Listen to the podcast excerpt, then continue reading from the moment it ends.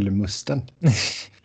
Då mina damer och herrar tar vi och säger hej och hjärtligt välkomna till ett nytt avsnitt av Svenska fans NHL-podd med mig Sebastian Norén, Niklas Wiberg och Robin Fredriksson.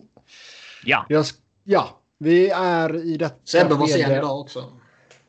Ja, men eh, god anledning som sagt. Vi hade inte velat ha två tjutande ungar och två ylande... Eh, ja, två tjutande ungar och två ylande hundar i bakgrunden. Det...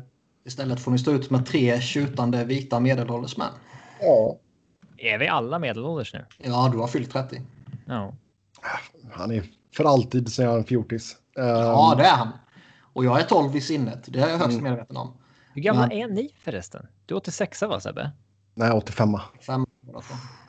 Du är också 85 Niklas? Och Niklas är lite äldre än mig.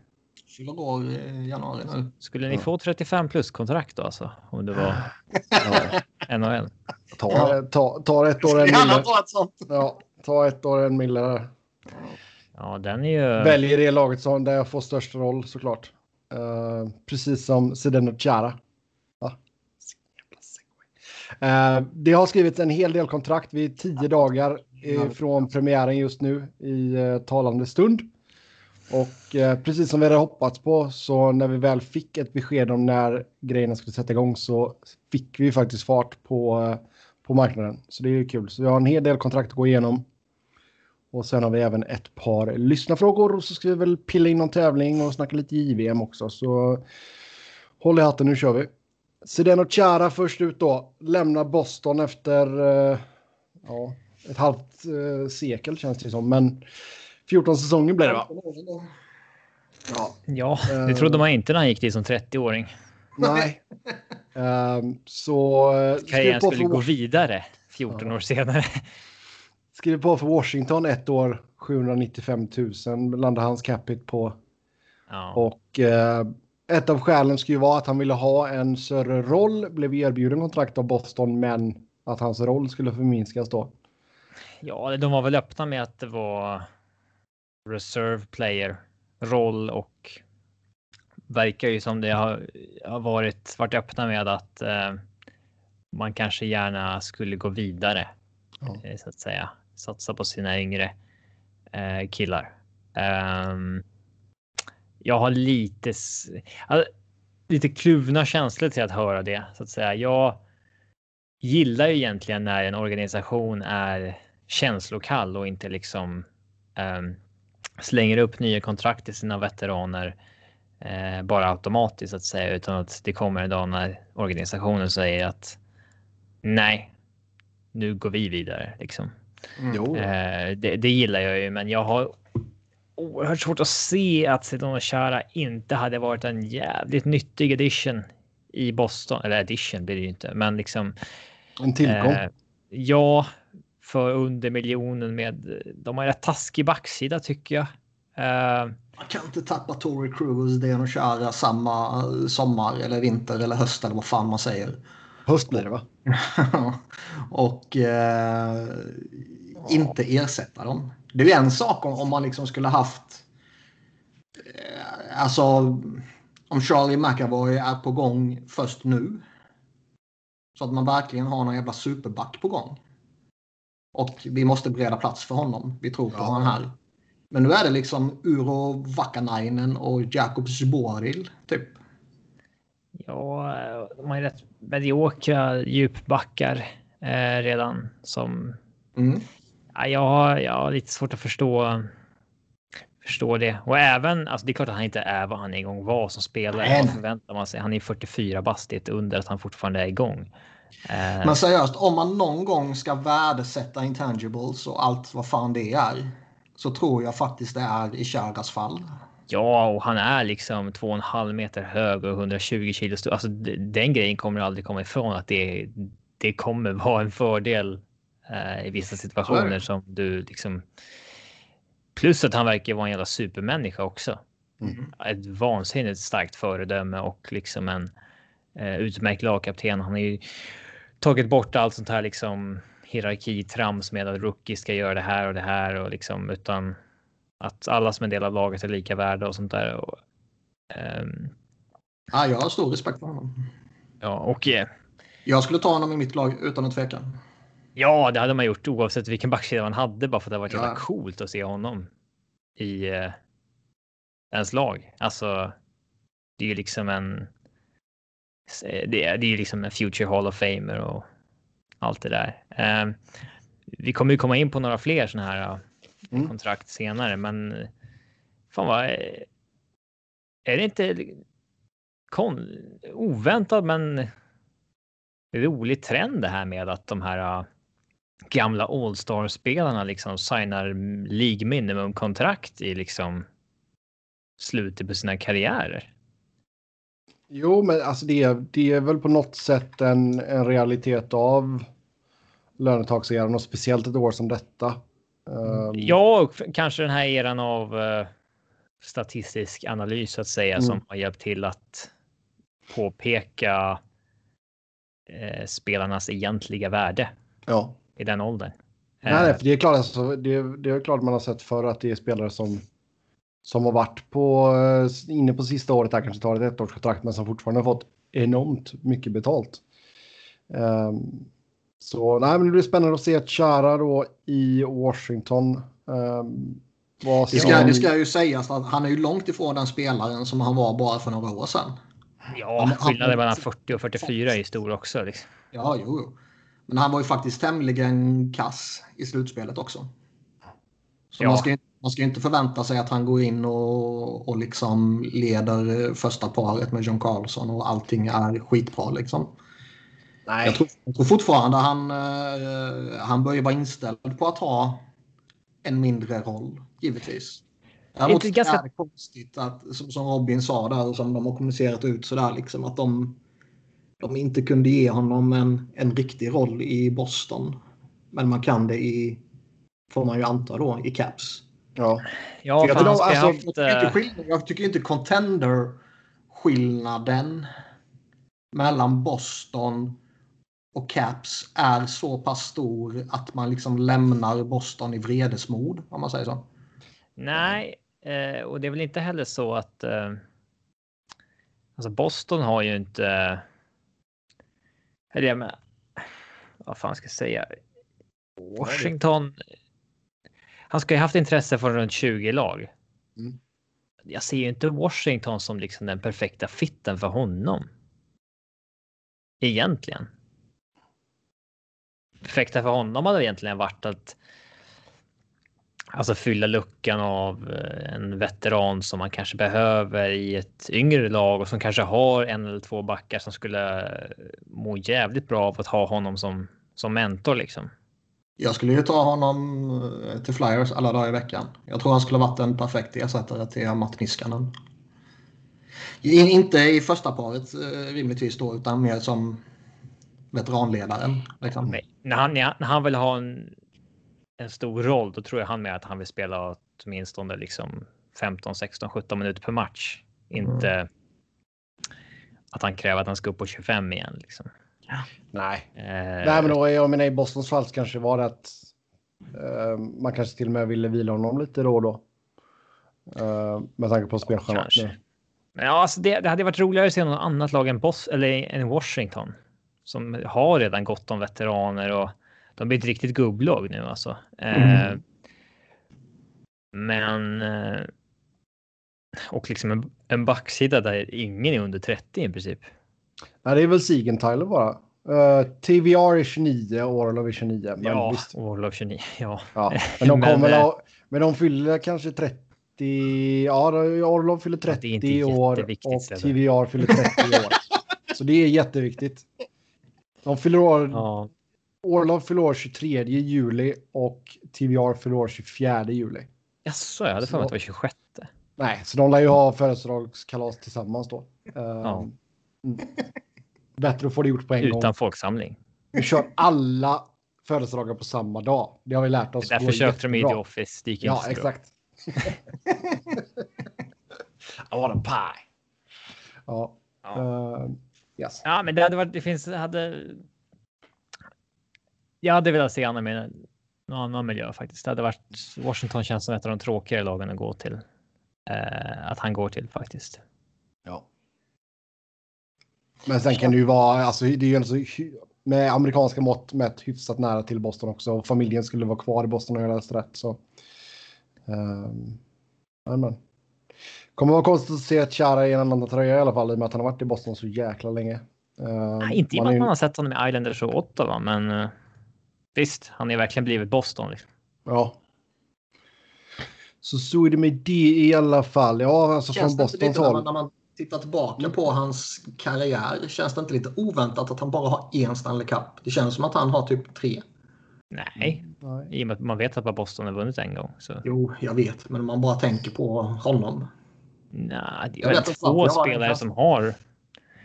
Väldigt få som har mer än en cup idag. Mm. Egentligen bara de som spelade i Chicago. Och LA. Pittsburgh. Upp, upp, upp, upp, upp. Ja, eh, snabbt tillbaka till Boston där då. Alltså nu är det ju Charlie McAvoy för hela slanten. Ja, som jag sa tidigare, jag tycker det är lite... Eh, alltså, eh, nu, nu är det ju tio dagar kvar innan säsongen börjar och saker kan givetvis ske. Men eh, man vet ju om att man tappar Tory Krug tidigt. Liksom. Man borde rimligtvis veta om att det finns en relativt stor sannolikhet att Chara lämnar om han nu säger att han vill ha en riktig roll och vi inte erbjuder honom det. Jo, exakt. Och det kan ändå vara så att man står där i att tappa båda två och gå in i en ny säsong utan en ersättare. För det är som vi sa, alltså, de unga backarna de har på uppgång, det är liksom inte någon sån där som man bara slänger ut någon etablerad stjärna för att bereda plats för. Nej, alltså det blir, de har ju snackat om att de vill liksom lösa det med, med ett par, liksom tre, två, tre andra spelare, liksom att man, men alltså att man ska banka på att typ Matt Grzyk, Grillsyk ska liksom få något jäkla megalyft här nu i 26 års ålder liksom. Det, Jag tycker också det är lite konstigt att man tappar de två backarna och man eh, lägger pengar på att förstärka forwardsbesättningen. Jag tror Ja. Smith och lite, eh, liksom, det... Nej, det, det är lite udda. Men visst, det är alltså, saker kan ju ske såklart. Jo, det är klart det kan göra det. Eh, Boston är ju... Alltså, så länge man har den första kedjan så behöver man ju inte så vara slagkraftiga liksom. Eh, men Ja, klart, för, Men klart, även eh, de, de börjar bli gamla på sina håll. ja, men klart försämrad backsida på pappret i alla fall. Så får vi se då om man kan lösa det genom committee så att säga. Eh, Man ska ha hört sig för hos Carl Altsner om man då vill ha in en veteranback. Helt klart en värdig ersättare till Zdeno Chara. Nu är du sarkastisk. Han är i Washington liksom. Arsenal. Så visst, men det ja. Vi får se vad de hittar på där. Sen över till Nashville. Man skrev på ett ettårskontrakt med Erik Haula. Eh, Fick in honom via Free Agency och sen kom man överens med Mikael Granlund om en ettårsförlängning. 3,75 landade hans cap hit på. Det har hänt lite grejer i Nashville i alla fall under off-season. Um, Lite förvånande ändå att de går tillbaka till Granlund. alltså på ett år 3,75 är det väl inga problem. Nej, det är ju mer eller mindre helt riskfritt. Båda kontrakten givetvis. Men, men eh, alltså han. Det har ju inte varit samma spelare som han var i Minnesota. Nej, det har det verkligen inte varit. Men detta Sen, ju... han väl, sen gjorde han väl lite eh, mer eh, sig själv rättvisa den här säsongen än direkt efter traden. Men det är ju liksom ändå en, en spelare som eh, han har inte varit något lyft på, på något sätt, vilket man kanske hade några förhoppningar om i alla fall. Ja, du vill ju att han ska vara åtminstone skugga 0,8 pro- 0,8 poäng per match eller någonting. Och det har ju inte riktigt varit. Så visst. Men ett år, det, nu är det ju verkligen upp till bevis för honom. Eh, även om det kanske inte blir så att han stannar i Washington nästa säsong. Eller i eh, Nashville nästa säsong. Så är det ju fortfarande ett... ja, han kommer in i den åldern nu också. Vad är han? 28? Mm. Ehm, så det, det är väl dags för det där. Han vill ju ha det där stora kontraktet, det fattar man ju såklart. Uh, och då, ja, upp till bevis helt enkelt. Sen då Erik Haula in i den. Uh, man köpte ju Cal Turris. Och så har man plockat in istället då Erik Haula som kan lira center. Man har plockat in, vad har man mer? Brad Richardson. Luke Cooning kom in också via trade. Nick Cousins kan väl lira center också.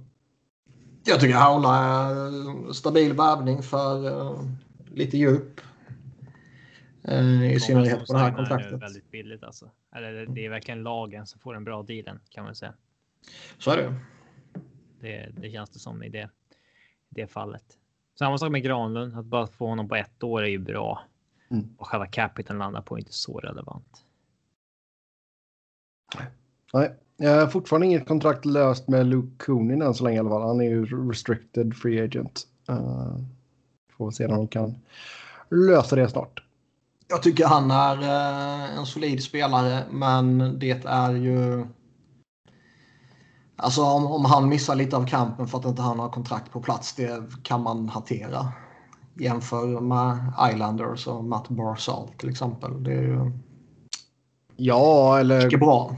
Nej, nej, absolut inte. Vi kommer ju till ett annat kontrakt här uh, snart också som uh, lite samma situation. Uh, Tampa Bay, de gjorde en jävla massa grejer och man fick löst alla sina RFAs. Det var tråkigt. Ja, men de visste att de skulle lösa det på något sätt. Ja. Man skickade skickade Braden Coburn, Cedric Paquette och ett andrarumsval 2022 till Ottawa och tog tillbaka Marian Gaborik och Anders Nilsson, båda upp på long term injury reserve. Och sen så skrev man då nytt med Anthony Cirelli, treårskontrakt, 4,8 miljoner capita. Erik Sernak, tre år, 2,95 i capita. Och Jan Rutta fick ett tvåårskontrakt på 1,3. Och sen ska vi säga att Nikita Kucherov är borta hela grundserien också. Vilket hjälper dem att nå under capen. Det är ju hela nyckeln till allting. Mm. Men jag, jag, såg en del konspiration när det hände att liksom. Att typ Kucherov inte skulle vara skadad. Alltså att mm. folk folk hävdar att om jag var en annan NHL-GM skulle jag be NHL ha en neutral läkare kolla upp det typ. Eh, och eh, om han är redo så fort slutspelet börjar så bla bla bla. Men har de liksom haft ett gruppmöte och så här. Okej, okay, någon måste ta en för laget och sitta hela säsongen. ja, ja, exakt. De har dratt. Som inte eh, egentligen är skadad. Ja, alltså, vill, vill, man dra konspirationsteori-kortet, vilket jag alltid tycker är... Man behöver inte tycka eller tro att det är så, men det är alltid skoj att prata om det. Ja, jag lyfta fram det, absolut. Men där finns, finns det ingenting. Finns hela, finns hela poddar om det. Oh, ja. Men alltså det, det, kan ju finnas en faktor som vi faktiskt redan har nämnt för någon podd sen. Där Elliot Friedman nämnde att det var en spelare som var bärande i ett väldigt bra lag. Som var skeptisk till att spela den här säsongen. Ja. På grund av covid och bla bla bla. Och om man eh, optar ut från säsongen. Så får man väl inte spela överhuvudtaget. Det är inte så att du kan ångra dig och komma tillbaka om jag fattar rätt. Nej, det borde det ju rimligen vara. Ja, det är så jag har fattat det i alla fall. Och eh, det här kan ju vara ett sätt för Kutjerov. För det, alltså, man kan ju säkert hitta någon jävla skada på honom givetvis. Det var det inte till och med någon jävla rapport från slutspelet att han hade någon skit har jag för mig. Jo. Och sen så snackar man med honom och konstaterar att eh, jo, men du skulle nog kunna spela med den här höftgrejen. Det vore en, en normal säsong liksom. Eh, du kan eh, du kan ju välja nu att operera den här och nu istället för att spela. Och så gör vi det på det här sättet så slipper du också opta ut från säsongen om du är skeptisk till att spela. Och sen så om det visar sig att eh, vaccin har kommit och saker är under betydligt bättre kontroll framåt sommaren när det blir slutspel, då, då kör vi. Liksom.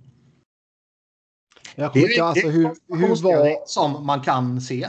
Ja, men hur var det nu? Alltså var det så att kappen inte räknades mot, mot taket om en spelare optade ut? Jag vet att kontraktet för, alltså flyttades ett år om man säger så. Så att om du har ett kontrakt som går ut 23-24 så hade det gått ut 24-25 istället. Mm. Men jag kommer inte ihåg, men rimligen så borde ju capen lyftas bort då. Ja, det lyfts bort. Jag minns inte. Nej, men alltså jag menar om du... I och, med, någon- att- I och med att det aldrig blev eh, aktuellt med någon Nej. spelare av betydelse så kommer jag fan inte ihåg alla detaljer. Men alltså är det någon spelare som du hade satt på, på long term här så är det ju Steven Stamkos i så fall. Han är ju trasig. Alltid. Men han ville väl spela. Ja. Kutjer kanske inte vill spela och då löser man det på det här sättet istället. Om man nu ska dra konspirations... Det är klart han är skadad. ja, det är klart han är skadad. Men jag säger liksom, ska man, ska man säga att någon är skadad då är det Jag ju... säger inte att han inte är skadad, men, men jag menar liksom... De kanske skulle kunna gjort den här operationen direkt i somras. Men så avvaktar man lite för det kanske inte är någon akut operation. Alltså om... om jag, jag säger inte att jag nödvändigtvis tror att det är så här. Men om vi ska prata konspirationsteori så är ju det, det spåret jävligt uppenbart att halka in på. Ja visst. Men vi Men- lägger inte mer tid på det. Nej, vi lägger inte mer tid på det. Men alltså... Jag är Jag, klar! nej, jo, då är jag. okej. Eh, men jag tycker ändå så att man fick ju alla sina tre liksom, high profile RFAs fick man ju inte bra kontrakt. Du fick Sergachev 3 år 4,8, Cernak 3 år 2,95 och Cirelli 3 år Men man är 4,8. hemma. De hade velat signa dem längre billigare så att säga. Mm. Det hade man ju. Ja. Sen ska vi säga Ottawa tycker jag gör en väldigt bra deal. Alltså Ja, de får herregud. ju två bra spelare och ett pick mot ingenting. Liksom, för att Jo, ta två bra spelare och deras lön. Liksom. Ja. Eller en funktionell spelare i Coburn och en bra spelare i paket. Då. Ja. Eh, Men det är bra för dem. Det där kan ju vara spelare som lyfter dem för att kanske hota om ett vildkort liksom. Ja, Alltså det är ju, det är ju som sagt det är ju två NHL-spelare i alla fall. Eh, istället för två killar som inte kommer spela. Coburn tror jag är eh, sådär ett typexempel på en gubbe du skickar vid trade deadline också om det är eh, inte aktuellt med något villkortsjakt. Liksom. Ja, det är mycket möjligt att båda de ryker. Eh, Paket kan jag ändå se någon som man vill förlänga med.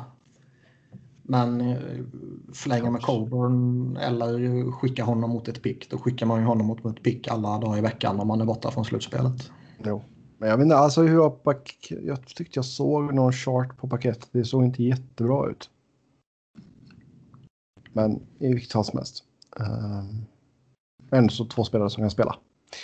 Sen så... Det, vi, vi ska väl säga det också. Det, det är Ja. väl ingen, ingen, ingen GM kommer ju vända sig till Nikita Kucherov och säga att du, vi vill inte att du spelar denna säsongen. För att vi behöver komma under lönetaket. Nej. Nej, då tvingar man ju någon sämre spelare.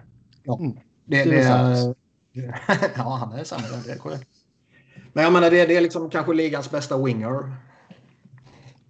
Och Ja, han, alltså- kom, han kommer från ett slutspel där han... Han vann, eh, poäng, vann poängligan. Han vann poängligan och det är bara Gretzky och Lemieux som har haft en högre assistskörd någonsin i slutspelet än vad Kutjerov hade. Det är, Yes.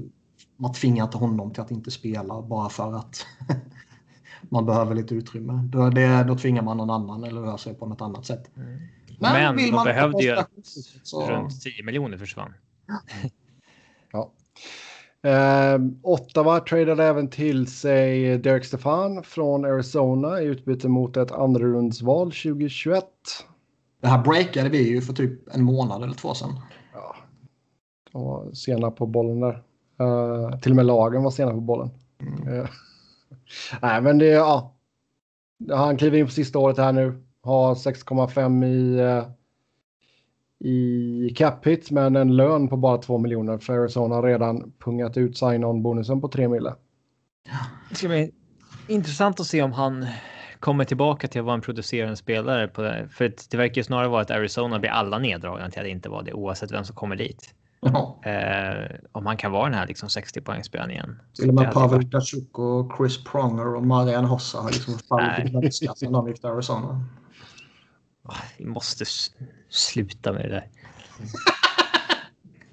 Nej, var det någon alltså, som skämtade om att "Åh, nu blir det Jersey banner för Gabor gick i Tampa. Oh, liksom. Ja.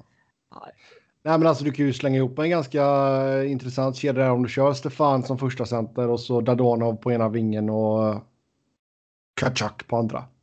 Till exempel. Ja, Nej, men eller en Stützle. Eller en Stützle. har- De har mycket, många intressanta spelare. Mm. Så visst, han bör väl kunna ha goda möjligheter att studsa tillbaka lite, absolut. Eh, Det går, det går fort i hockey alltså. Det känns Ja, som det att. Ottawa Alltså, kan sam- vara två, tre år från att vara bra igen på riktigt. Liksom. Samtidigt är det Ottawa och de kan fucka upp precis allting. Ja, det finns ju snarare ingenting som tyder på att de under samma ägarskap ska inte bli osams med den här generationen också. Liksom. Eh, för så går det ju till. Liksom. Ja, sen eh, Arizona, man signade Derek Brassard på ett ettårskontrakt till en miljon. Ja. Eh, Jag, tar ju, jag skulle ju aldrig lägga till det här på körschemat om det inte vore för att det är Sebbes favoritlag. ja, men det är väl klart att det är en eh, Min favoritspelare, Derek Brassard. respekterad funktionell spelare. Väl, skulle, skulle någon sagt vad tror du Brassard signade för? Då hade jag ju kunnat sätta halva min förmögenhet på att det skulle vara ett år en miljon.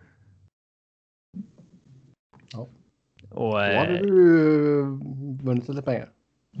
eller vad var rätt med för odds på det? Det vet jag inte. Hade inte, hade inte varit. Pengarna tillbaka. Ja, man visste att han skulle signa för det, exakt det. Mm. Eh, men ja, han studsade ju tillbaks lite i Islanders i fjol. Men Ja, satan han har horat runt ändå. Ja, verkligen. Rangers, Ottawa, Pittsburgh, Florida, Colorado, Islanders och nu Arizona. Och nästa år, eller till och med vid trade deadline nu, så är det ju ett till lag.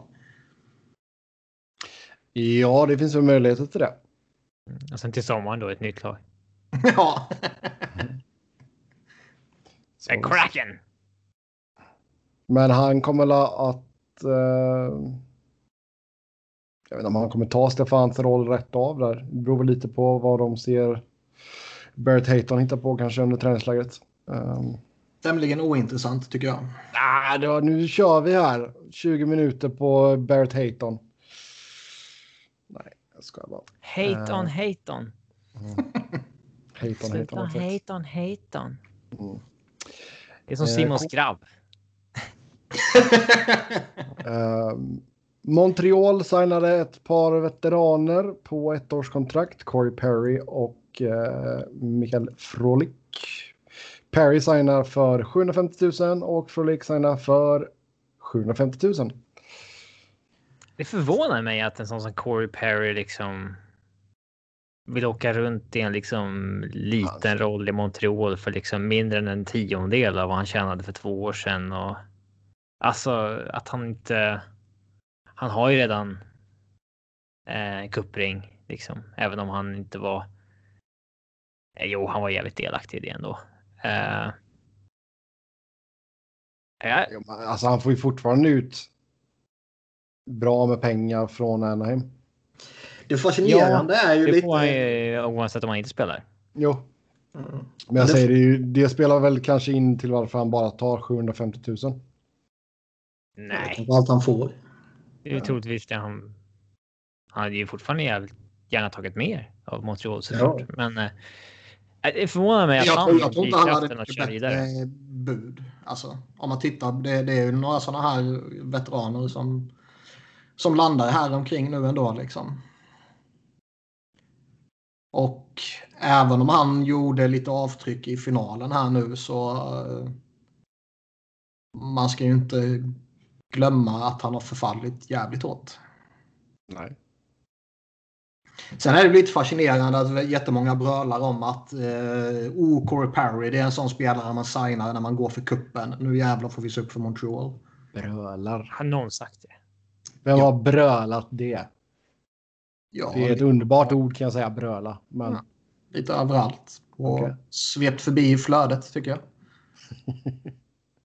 men, Föl- Följer du bara de mest extrema fansen från varje lag? Eller? Det känns som att det finns inget sådär mellan. Bara, ja, men, ja, Corey Perry. Ja, kan han fylla en funktion utan bara nu jävlar. tänk, tänk, tänk nu vem det är du tittar på. Ja, det är sant. Men, men alltså. eh, Ja, jag tror mycket väl det kan finnas en... Uh, ett scenario där Montreal överskattas rätt grovt efter slutspelet här nu. Alltså jag tycker med tanke på vad de har gjort här nu och vad som kommer in så de har ju en självbild att de ska vara ett givet slutspelslag. Du har fått in Allen som backup nu. Du behöver inte matcha Carey Price lika hårt. Du har en uh, ung ryss, Tsar, Alexander Romanov som kommer in. Du har fått in lite grit i Edmondson. Uh, eh, du har, eh, vad fan har man mer? Toffoli har kommit in. Josh Anderson ska ju bli den gamla powerforwarden han var för två säsonger sedan. Mm. Det, det, är väl klart att Montreal känner att de kanske har någonting på G liksom. Nej, och det är väl liksom någonstans... Men jag, känner ju inte, jag känner inte att Corey Perry är bägaren som får det att liksom bara... Nej, mm. givetvis. Det är inte det jag syftar på heller. Jag tror inte det folk syftar på heller. Men vi har förmodligen pratat om det eller nämnt det tidigare. Liksom, att har du en 35-årig Shea Weber och en 33-årig Carey Price. Ja, då kanske man ska försöka gå för det. Liksom. 33-årig Jeff Petrie också. Ja, Petrie också. Han är ju inte på den nivån som de säger, men alltså, han är ju strax under.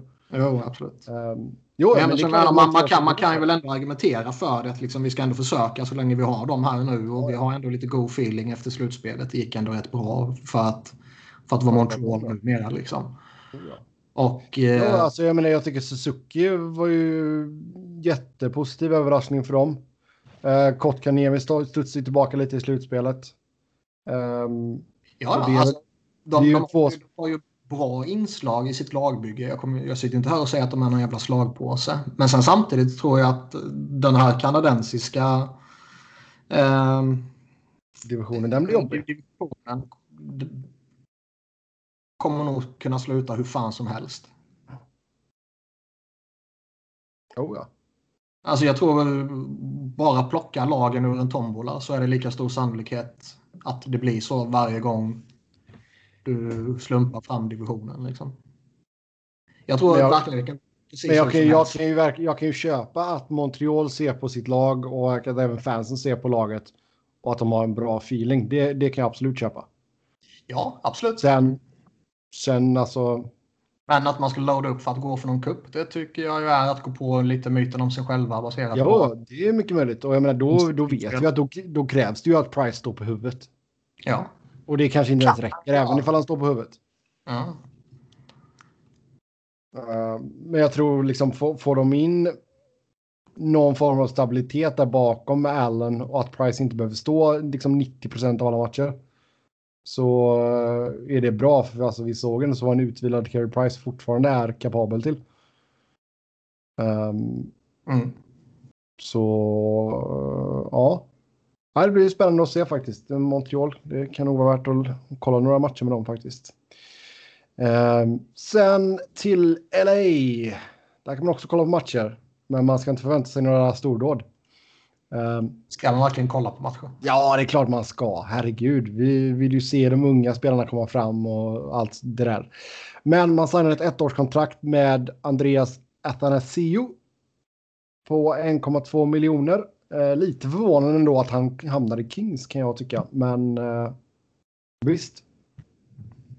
Men det verkar alltså... Ingen verkar gilla honom. Nej. Ja, jag tycker det är jätte, jättekonstigt. Men det, är, alltså, det här känns ju som en spelare som... Ja, Framförallt så är det konstigt att Holland betalade så jävla dyrt för honom vid deadline då. Mm. Som känner honom sedan innan. Nej, alltså det... Fan, kör på. Nu ger han bra möjligheter och sen flippar han vid deadline liksom. Ja, han tar väl en bra situation. Han kanske får lira första, cent eller första kedjan med Kopitar eller sådär. Eh, mm. Det är bra möjlighet för honom. Oh ja. ja det är det eh, verkligen. Um, men som sagt, man ska inte förvänta sig några stordåd av det här laget i år. Allting handlar om att bygga för uh, framtiden. Oh ja. Uh, och den är ju, det har vi pratat om många gånger, den ser ju jävligt spännande ut. Det är ju bara viktigt att man börjar portionera in kidsen redan nu. Så man inte står där om ett år eller två och helt plötsligt ska åtta stycken in samtidigt. Ja, exakt. Nej, nej, alltså du får ju köra lite pö om pö. Jag läste att Drew Dowdy var överlycklig över att äntligen få spela med en veteranpartner. 26-årig Olli Mäte. Nej, säga vad man vill om honom, men veteran är han i alla fall. Ja, ja, fan han har väl över 400 matcher. Han bara 26. 427. Shit, han har varit med så länge. Mm, 427 matcher. Debuterade ju redan 2013. Så ja. Men man ska ju inte ha någon förväntningar på LA överhuvudtaget. Nej, nej. Nej, jag menar kolla, liksom, kolla backsidan bakom de två. Det... Men, men. Nej, utan det är bara att se fram emot framtiden där helt enkelt. Eh, Pittsburgh, där gör man en sexårsförlängning med John Marino. 4,4 miljoner capita. Eh, Niklas, jag vet att du tweetade om detta, just att han får det här långa kontraktet efter så pass få matcher då. Jag tycker han har visat mycket positivt och jag tycker väl att det här är en, liksom, en, en chansning som kan vara väl värd att ta. Eh, samtidigt så är det liksom, han börjar redan bli lite smågammal. Säger man om 23-åring. Men, men 23, om man, Jo, jo, men det är ju en sån här jävla college-spelare vet du. jo, men om man tänker liksom att han har precis kommit in i ligan och han är 23 år.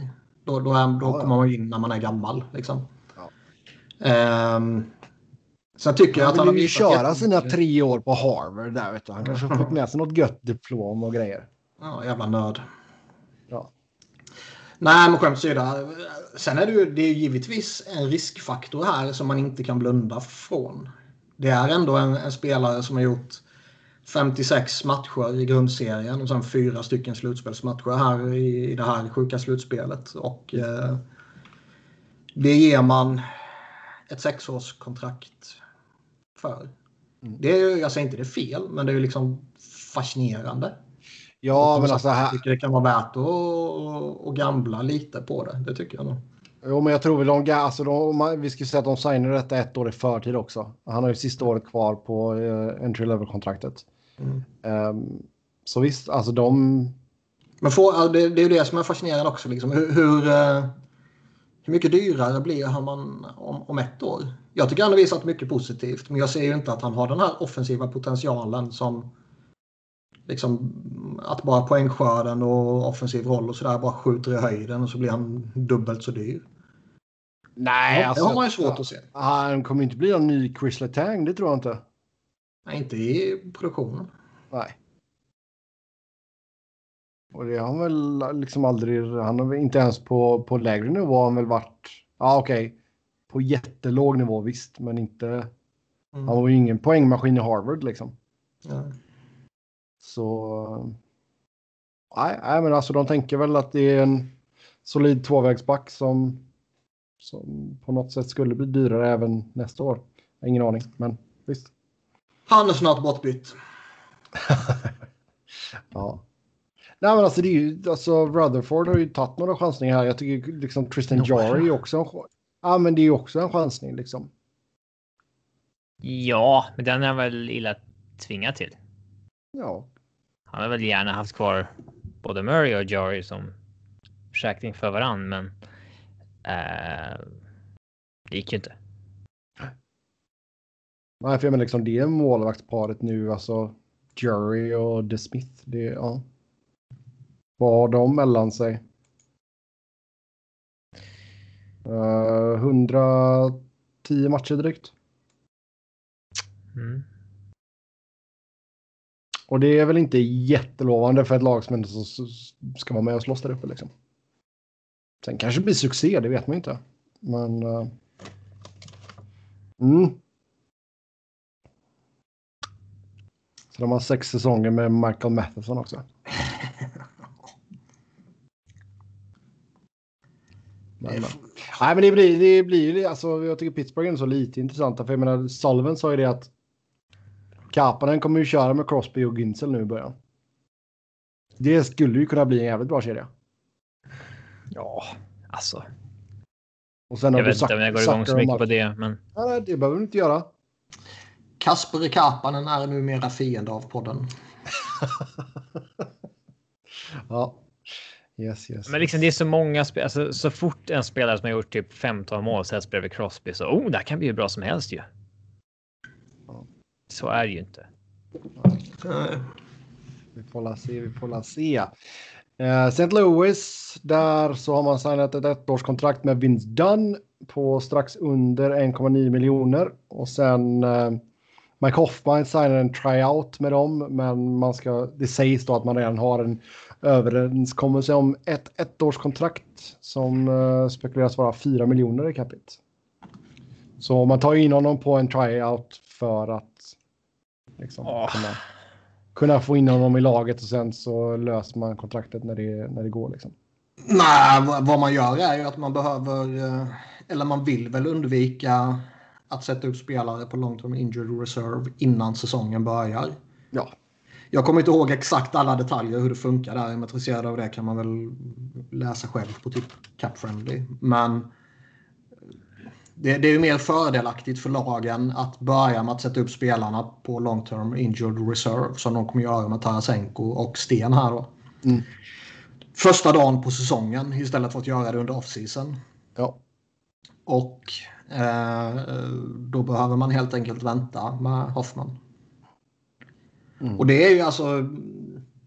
Jag läste någon som, som skrev att det, det är jävligt märkligt att man får göra på det här sättet. Att vara överens om att vi, vi signar ett kontrakt med dig där och då.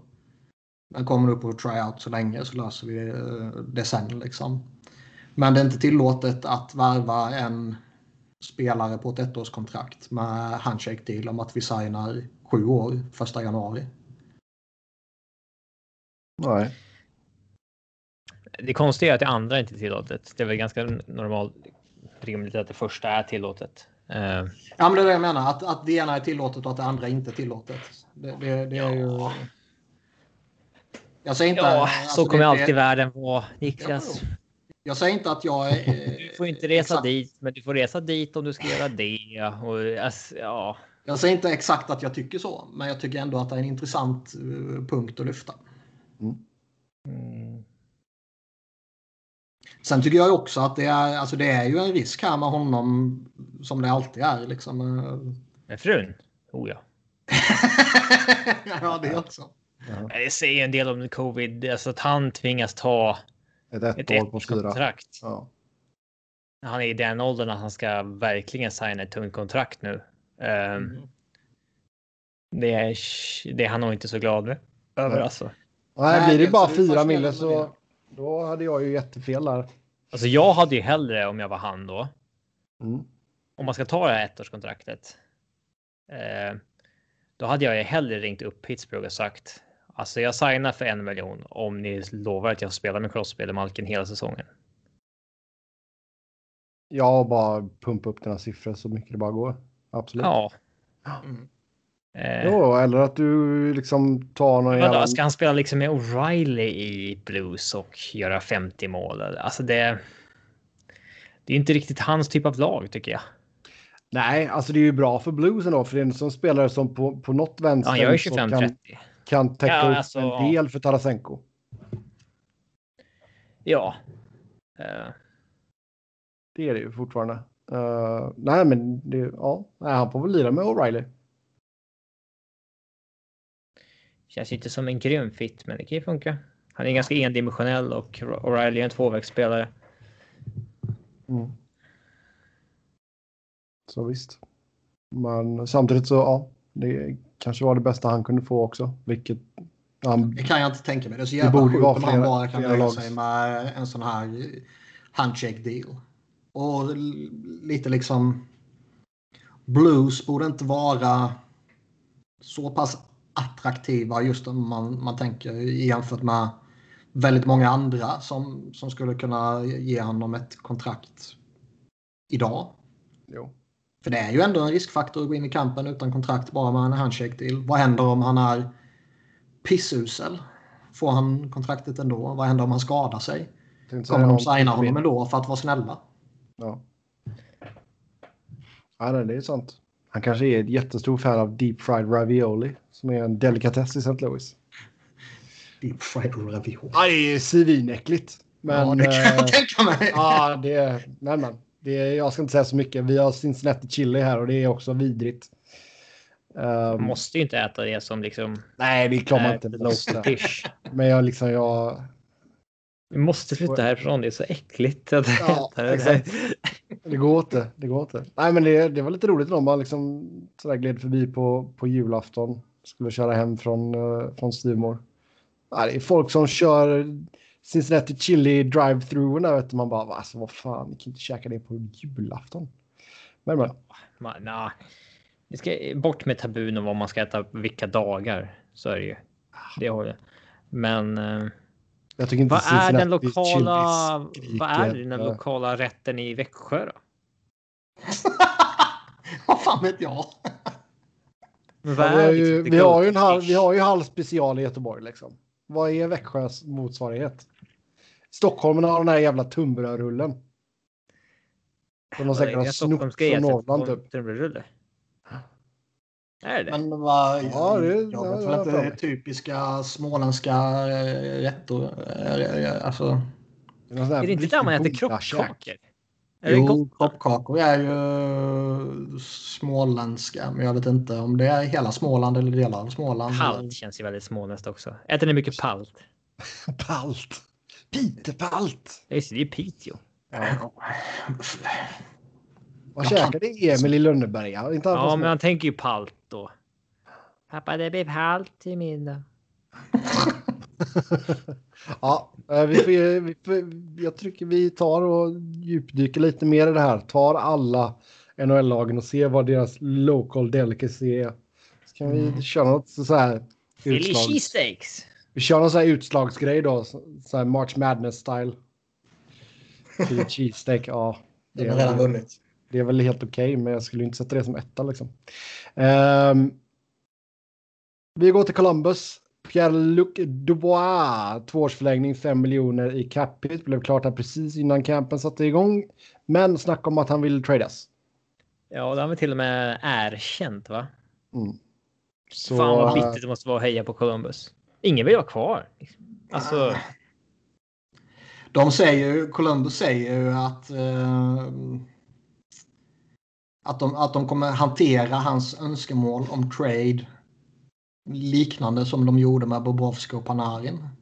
Att de spelar ut sina kontrakt typ. ja, okej.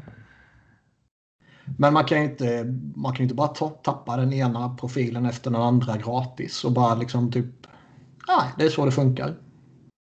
Det är ju skandalartat i så fall. Mm.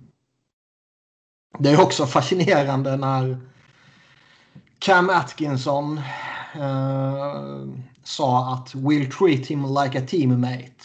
Ja, det är ju snällt. Det är, det är, Det är det är ju bra. Ja, faktiskt. Att de inte behandlar honom som en mördare eller någonting. Nej. Han bara, he's dead to us now for two years. Nej, men det är klart att det, det, alltså, det är ingen bra grej. Alltså, detta har ju blivit liksom... eh, en- ja, det är ju liksom ett mönster här nu ändå. De har svårt att, att hålla kvar på de bra spelarna. Man Liksom. har ju lite samma vibbar som det var i Ottawa tidigare. Att, eh, eller kanske till och med fortfarande. Att eh, alla vill bort därifrån så fort det bara går. Man tappade ju den ena stjärnan efter den andra där. Och eh, lite liknande har det varit här nu. Ja. Fast alltså, samtidigt så är det inte så att de har någon ägare som är ute och skojar på samma sätt som Mellis. Nej, nej. Men jag Men- menar, alltså, man, man kan ju inte fortsätta tappa. Inte gratis. Det är, alltså, Nej, exakt. Vi pratade ju lite om när, de, när Ottawa där valde att förlänga med Bob Ryan. Så snackade vi lite om att eh, ja, men det var viktigt. Man kan inte tappa alla stjärnor. Liksom. Viktigt att förhåll, förlänga med någon. Och det, det gick bra. Nej, nej, men alltså det, det är ju det är ett problem. Alltså det, sen kanske inte, jag vet inte om Dubois kanske inte, han kanske inte gillar Tortorellas stil. Det är Nej, mycket möjligt. Ja, det, vissa gör det, vissa gör det inte. Ehm, men alltså det, är- det är ju ett problem och jag menar det är en spelare som har potential att bli riktigt jävla bra. Ehm, Ja, att få han på 5 miljoner här nu, det är eh, svinbra. Mm. Och han är fortfarande RFA så man, eh, man äger ju liksom hans rättigheter efter kontraktet också. Och så där, så, eh, nej, men liksom alltså, är, man väl det här bra tillfälligtvis, men, men man måste ju ändå... Alltså det, det är ingen bra situation ändå att bara köra vidare och förvänta sig att allting ska funka perfekt om man har en spelare som aktivt vill bort därifrån. Nej, nej, nej. Bör man ju försöka hitta en lösning. Jag menar, det, det är ändå ett lag som har gått till slutspel nu fyra år på raken. Liksom. Det, sen, ja, Columbus kanske inte är den sexigaste staden att bo i i NHL. Men det är en av de snabbast växande städerna i hela USA. Vad Eh, innebär det egentligen? I, i liksom vet. folkmängd? Ja, Eller jag antar det. Det är många som flyttar dit. Jag har ingen aning. Ehm, men ehm, det är klart att det, det är klart att det finns ballare städer än Columbus liksom. Ehm, Tucson? Tucson. ja, Tucson vet fan om det är så jävla mycket ballare. Ehm, men eh, nej. Vilken är den mest underskattade staden i USA? Som man inte tänker på för att det inte har Underskattade staden. Ja du. överskattade brukar vissa nämna Vegas, Miami typ. Jag har inte varit i Miami så där vet jag inte. Men Miami, är lite... Miami känns ju Jag ganska hypat. Det känns som att ska, ska man få ut eh, den typiska Miami-semestern då behöver man kanske ha lite kosing. Ja. Hur är en I Lamborghini? USA?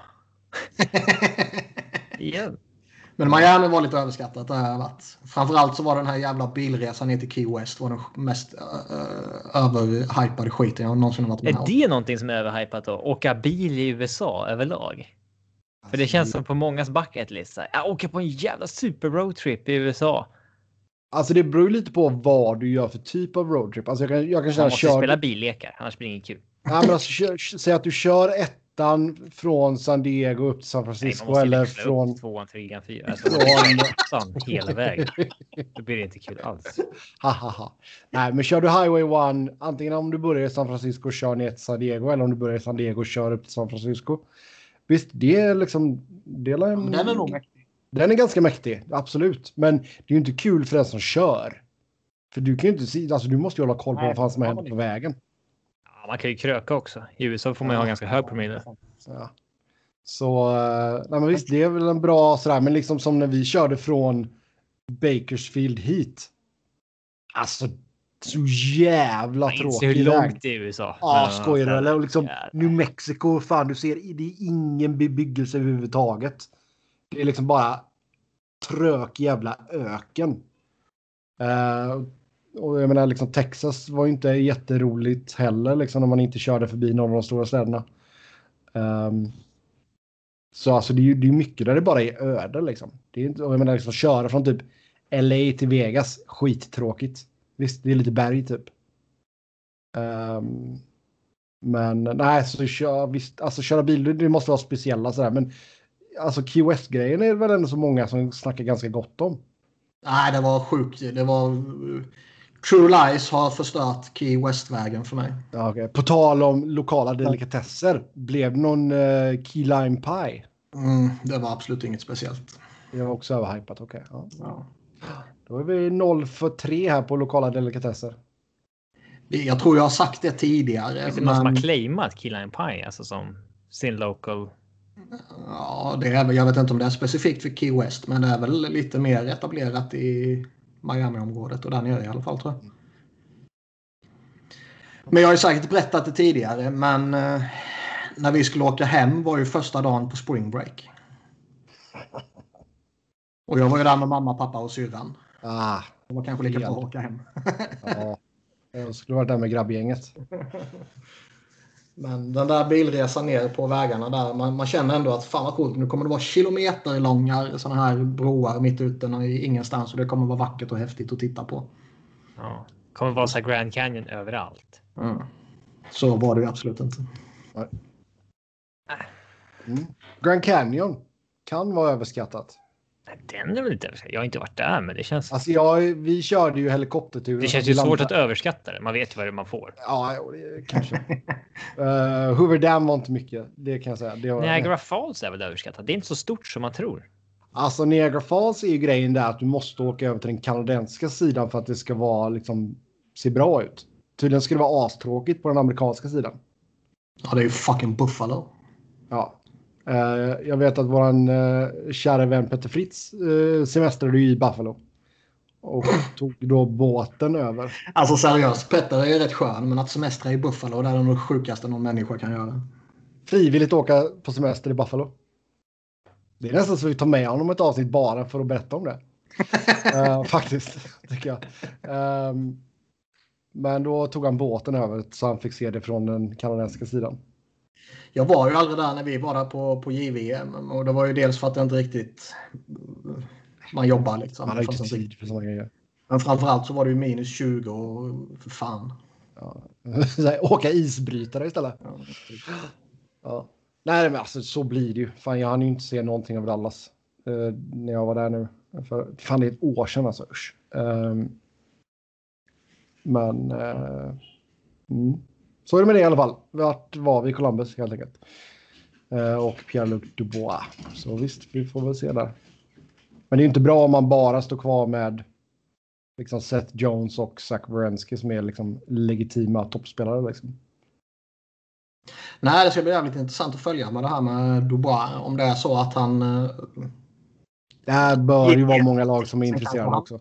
Ångra sig. Plötsligt kanske han hittar någon kemi med någon... Äh, funkar klockrent med Max Domi som hans winger eller någonting. Och, Varför vill ja. folk därifrån? Är det liksom bara... Kanonen. Center. liksom, är det bara... Kanonen. Stan liksom som är usel? Folk får ju fäste i alla möjliga skitstäder. Ja. Jag vet inte. Men alltså sen, alltså hur länge, hur, alltså hur länge tror ni att Tortorella blir kvar liksom? Hur långt shelf life har han? Ja, det är väl dags för ett coachbyte där snart antar jag. Han har ju varit rätt länge nu. Mm. Det är fem säsonger. Ja, jävlar vad det ja. går. Han är ju ändå, alltså bortsett från Vancouver som ju var någon jävla fiasko, så han ändå, han har ju varit relativt länge i sina lag innan dess. Mm. Tampa ja. körde han ju på bra länge i och Rangers Det känns ju som en kille som... Längre än vad man tror. Det känns som en snubbe som... Han kör typ två jobb och sen sticker han. Eller två, två år, sen sticker han. Ja, men vi snackar ju ofta om Laviolette som en som ja, mm. bränner ut sig så att säga. Eller inte bränner ut sig, men han bränner ut truppen. Ja. ja. Nej, men visst. Så, men, men det, ja. det blir mer av detsamma för Columbus. Uh, det är intressant att se vad man kan hitta på också. Max Domi som sagt kommer ju spela center i alla fall. Uh, är det sagt. Så så är det med dit. Uh, Anaheim, ett års förlängning med Ryan Miller, en mille. Så ja, det det var väl ungefär det vi sa också, va? Han skulle vänta tills det blev klart vad som händer och sen så löser de det. Ja. Det, visst, han kan ha kört på ett år till. Känns väl ändå så som Gibson kommer matchas ganska hårt ändå. Och sen då eran favorit Mackenzie Blackwood i New Jersey, treårsförlängning. Det blev inte 69 på kontraktet utan 2,8 miljoner. Jag är ändå lite stolt någon... över det Sebbe, att det är du som lyfter det och inte jag. Ja, jag tänkte att du skulle säga det direkt ändå, så varsågod, varsågoda. Jag bjuder på den idag. Men eh, ja, 2,8 miljoner tre år. Ja, absolut. Och jag menar, liksom, han har väl goda chanser att och vara första målvakt också. Liksom. Visst att man tog in Corey Crawford, men. Ja. Uh... Hans status det, det kontraktet ganska... skulle jag vara nöjd med om jag var honom. Mm. Ja, det känns som att det är mer eh, gynnsamt för honom än för Devils kanske, spontant. Mm. Mm. Många spelare är uppe på entry level-kontrakt just nu eh, om man kollar på Devils cap-friendly sida. Ja, sex stycken. Sju. Sju. Så visst. Ja, eh, när vi ändå så inne på New Jersey ska jag pilla in en lyssnarfråga här. Tror ni att separationen mellan PK Subban och Lindsey Vaughn kan få Subban att hitta tillbaka till spelet på isen nu? Eller kommer det gå än mer utför? Det är en liten, liten pun där i och med att Lindsey Vaughn var en utförsåkare i skidor. Ja, man börjar ju tröttna på honom efter några år. Montreal gjorde det, Nashville gjorde det. Lindsey Vonn gjorde det. Nu kommer väl snart New Jersey göra det. ja, det är väl... Uh, ja. Gritty hade rätt kan vi i alla fall konstatera. Ja, du tänker på den här skylten där ja. Han trackade ju PK när jag match där. När han hade höll han upp en skylt med typ Lindsey kunde göra, kan göra bättre eller vad det stod. Och med pilar mot sig själv. Ja, vet jag inte ifall Gritty är ett uppköp, men uh, visst. Uh, en Gritty eller en subba? Mm. Mm. Nej, men alltså det är... Alltså jag vet inte riktigt. Det är svårt att säga vad man har Piqué Subban dessa dagar. Det är också ja, ett fall, det är alltså, också ett fall jag, som har gått så jäkla fort. Vad sa du? Att? Nej, men det är också ett, liksom ett, ett fall som har skett väldigt fort. Mm. Jag har varit ju lite irriterad på att Flyers inte gick efter honom när, eh, när Nashville bara dumpade honom. Att man tog Niskanen och, och Brown istället. Ja, det var ju ingen vidare säsong i Devils. Nej, det var det verkligen inte. Men nu är man ju glad att, det, att man inte tog subban på, på hela priset. Mm. Nej, det är sant. Jag har ju två år kvar och sitter på en capita på 9 mille. Uh, och då gäller det att man gör mer än, vad blev det förra säsongen, 18 pinnar liksom.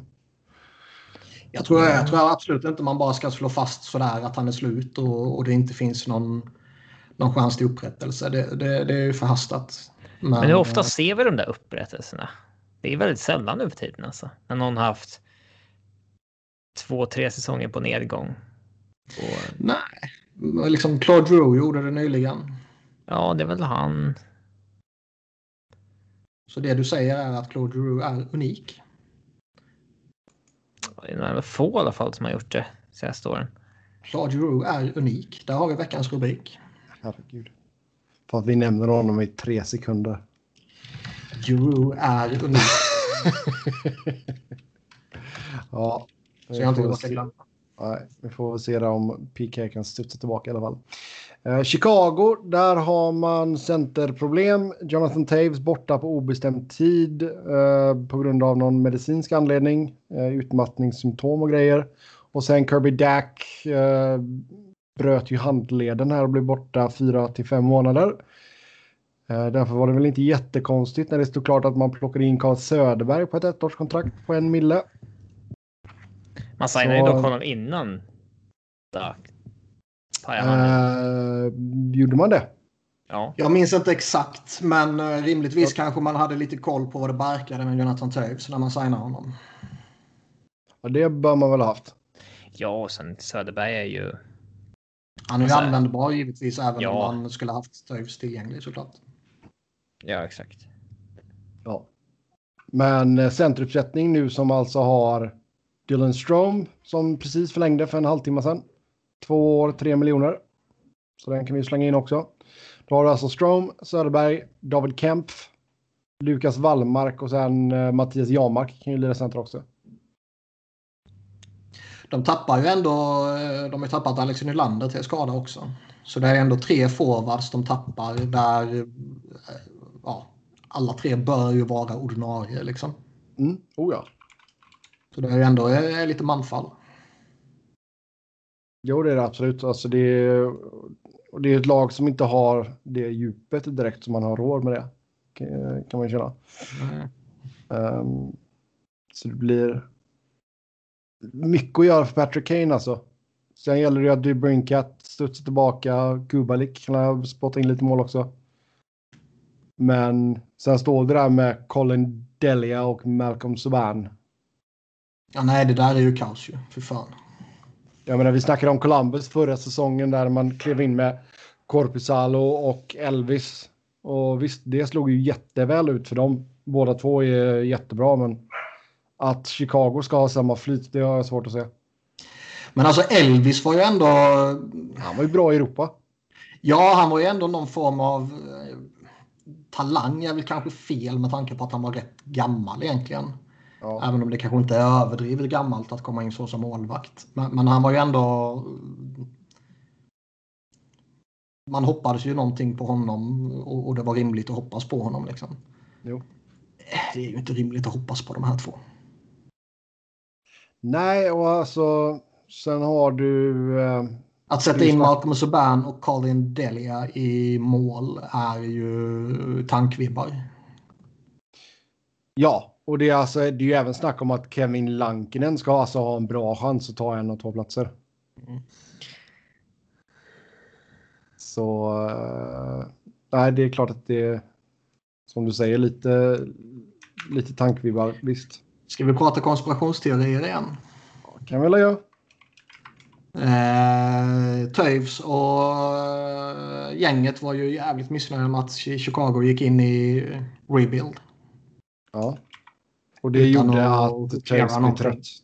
Och nu pallar han inte spela den här jävla skitsäsongen. Då fejkade han att han har gått in i väggen typ. Så det är kanske han istället då som kanske hade tackat nej annars eller optat ut? Ja. Så jag vill ändå säga att jag är, jag är rätt bra på konspirationsteorier när det kommer till sådana här saker. Och jag, jag, jag, känner lite, lite vibbar från Robin att Robin hatar mig lite mer nu än ja. han gjorde innan. Lägga mycket tid på trams. Nej, men det, alltså, det, jag menar, liksom, nu har ju Chicago så, liksom, sagt, som, som, du sa där Niklas, man går in i en uttalad ombyggnad. Liksom. Um, så det är ju inte, det är inte så att man bara, ja ah, men nu hamnar Taves på eh, long term injury reserve säger vi då. Och nu får vi massa pengar så vi kan spendera. Det kommer de inte göra ändå. Nej.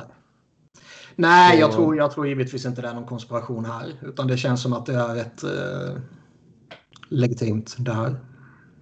Men jag tror det, det, alltså det var ju viktigt för dem ändå att få klart kontraktet med Strom där. Nu har inte han levt upp till sin draftposition. Men eh, som sagt, det, det är ju en sån spelare där vi får släppa det helt enkelt.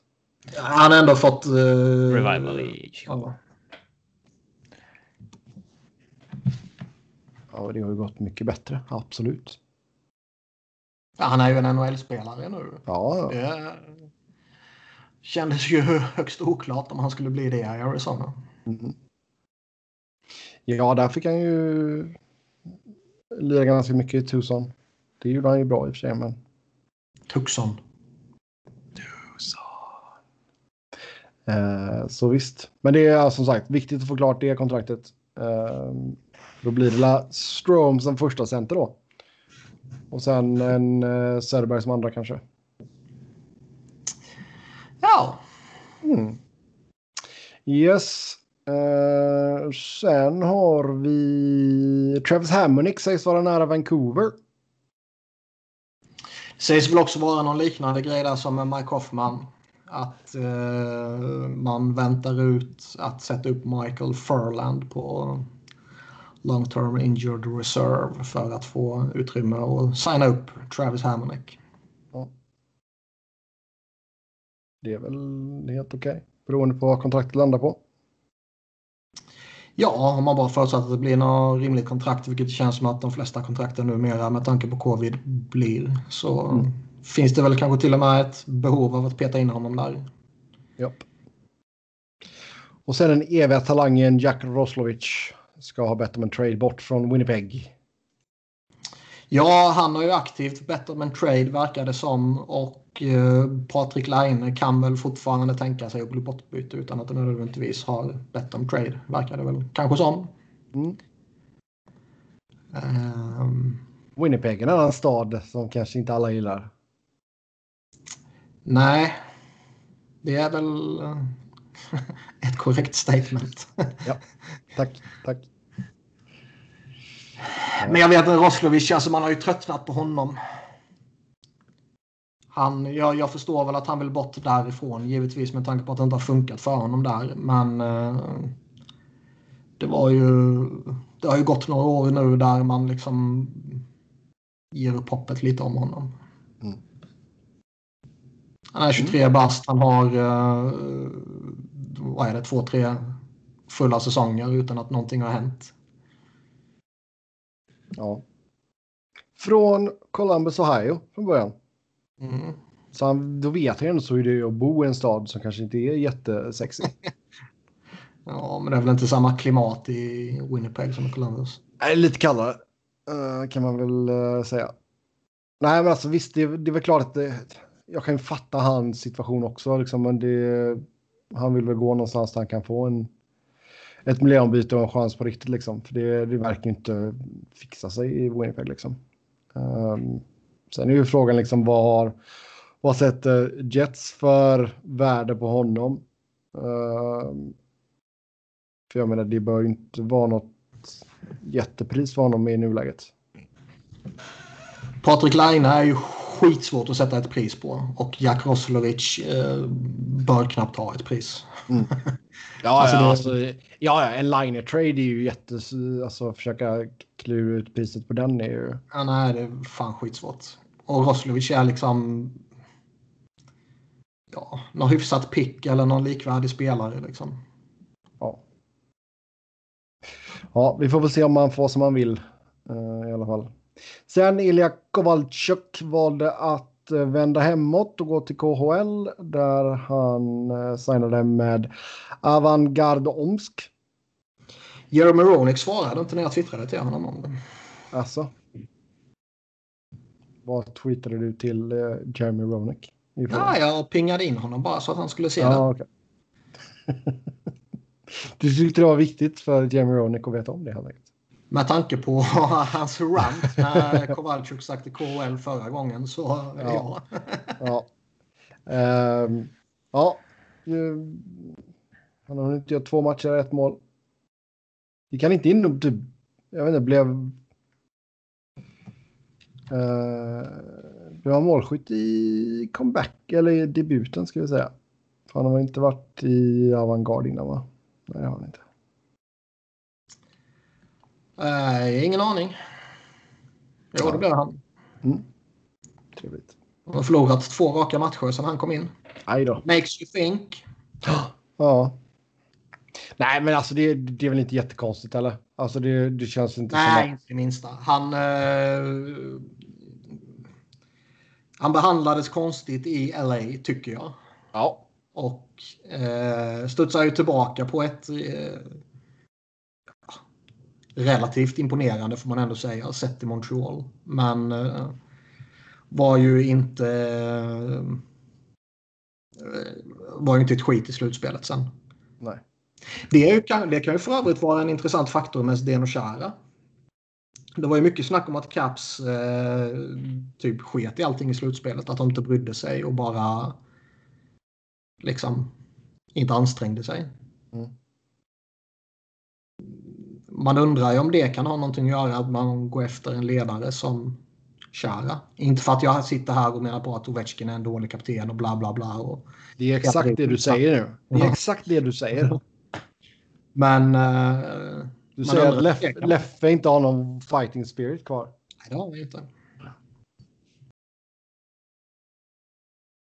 Nej, nej, men alltså att Kowalczyk väljer 37 år bast, liksom flytta hem igen. Visst, kör för fan. Han kan nog klämma ut några år till i KHL, tror jag. Ja. Uh, sen kan han ju alltid flytta och lira med Jagger om han vill också, när han blir över 40. Uh, mm. För Jagger lär väl köra på. Ja, han gjorde comeback nyligen. Ja. Så det, det är trevligt. Mycket, mycket trevligt. Ja, då tar vi väl och går över till JVM. Och ja, det blev ju sorti för Sverige i kvartsfinalen mot Finland. Man tappade en 2-0-ledning, torskade med 3-2 avgörande målet kom sent, sent i tredje perioden. Och överlag en eh, besvikelse av en turnering får man väl säga för eh, Sverige. Uh, ja, uh, både och. Uh, man gör ju en svag turnering, men också ganska väntat. frågan är om det här laget inte är fjärde, femte, sjätte bästa laget i turneringen. Det finns liksom ja. ingen...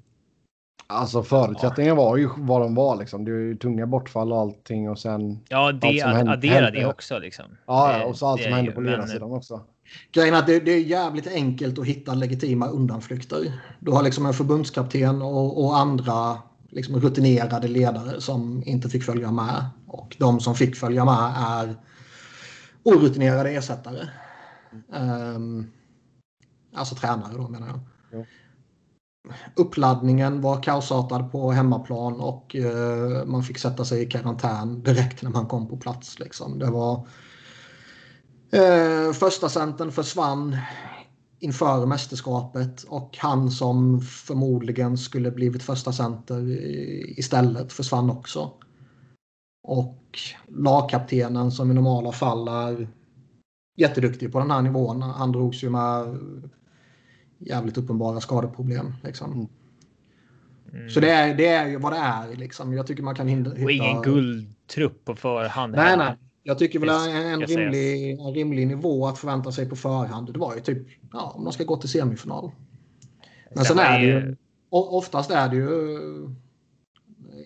Alltså om man räknar in Kanada, USA, Ryssland och Sverige som de fyra största Finland är ju bättre än Sverige i sett hur många guld man har vunnit. Men de är också lite mer opolitliga känns det som. Mm. De har fått kvala sig kvar något år. Lite sånt där. Jo, de har inte men... den sjuka jävla sviten som Sverige hade nu innan man tyska, äh, to, tysk, men, tyskade mot Ryssland. Torskade ja, mot Ryssland. Den betyder inte ett skit. Jag tror, jag tror ju supermånga är så jävla glada att den är bruten. Jag tror den, jag tror den har varit en, en extra onödig press. Liksom att ingen generation ja, har velat funkat. vara...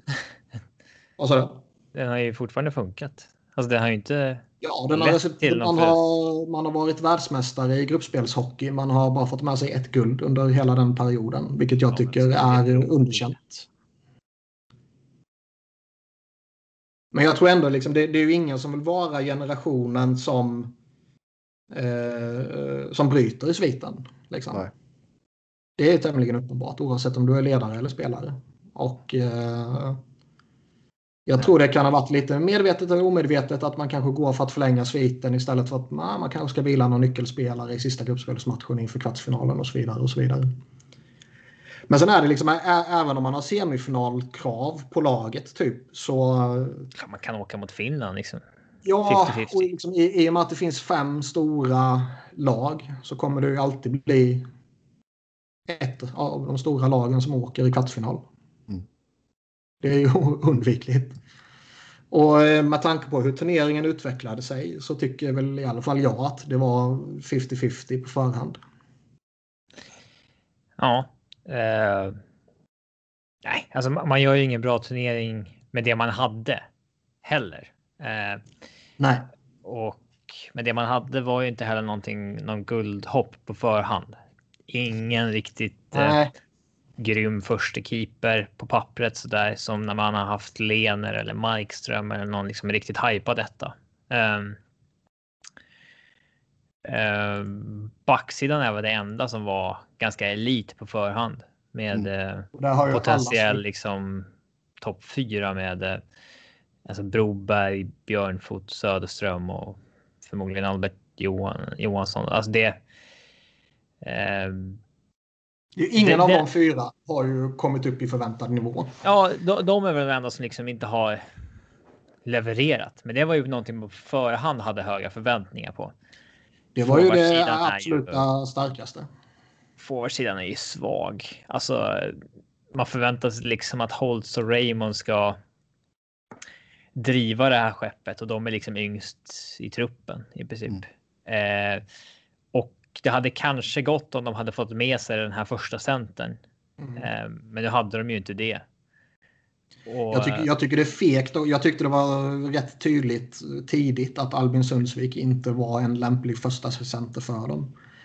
Jag kan förstå att man kanske testar honom. För han är ju lite den, eh, om man tänker rent teoretiskt, att du har två jävligt offensiva vingar och så vill du släppa loss dem, då sätter du en lite mer ansvarsfull center sådär mellan dem för att täcka upp lite. Det, teorin kanske man kan förstå. Men jag tycker det var det märktes tidigt att det är inte optimalt med honom där. Sen tycker jag inte heller att de var eh, så pass dåliga Holtz och Raymond. De fick ju inte riktigt utdelning. Jag tycker, eh. jag tycker Holtz och Raymond inte var dåliga, men. För att Sverige skulle de, lyckas hade det behövts att de. De hade behövt vara så mycket mer. Ja, exakt. ja de hade ju behövt uh, haft stolpe in istället för stolpe ut. Liksom. Ja. Uh, Holtz kommer ju till 26 skott, ett går i mål. Eh, den utdelningen har inte han normalt sett. Framförallt inte på juniormålvakter. Mm. Eh, så det är ganska många som skrev så där att oj, nu Devils måste vara oroliga över vad de har sett nu och Alltså vilket trams. Lite mer relevant att titta på allt han har åstadkommit innan än på den mest sjuka JVM-turneringen någonsin. Vi snackar liksom den. Eh, det finns ju ingen spelare i hans ålder som har producerat den här nivån av poäng i Sverige. Ehm, då får vi gå tillbaka till Sedinarna och Foppa. Kolla på det istället. Ehm, än att han har stolpe ut i ett JVM liksom när han inte får spela med någon första center. Eh, där han dessutom är ett år yngre än de han möter. Det är en kort turnering, fem matcher. Det är ju.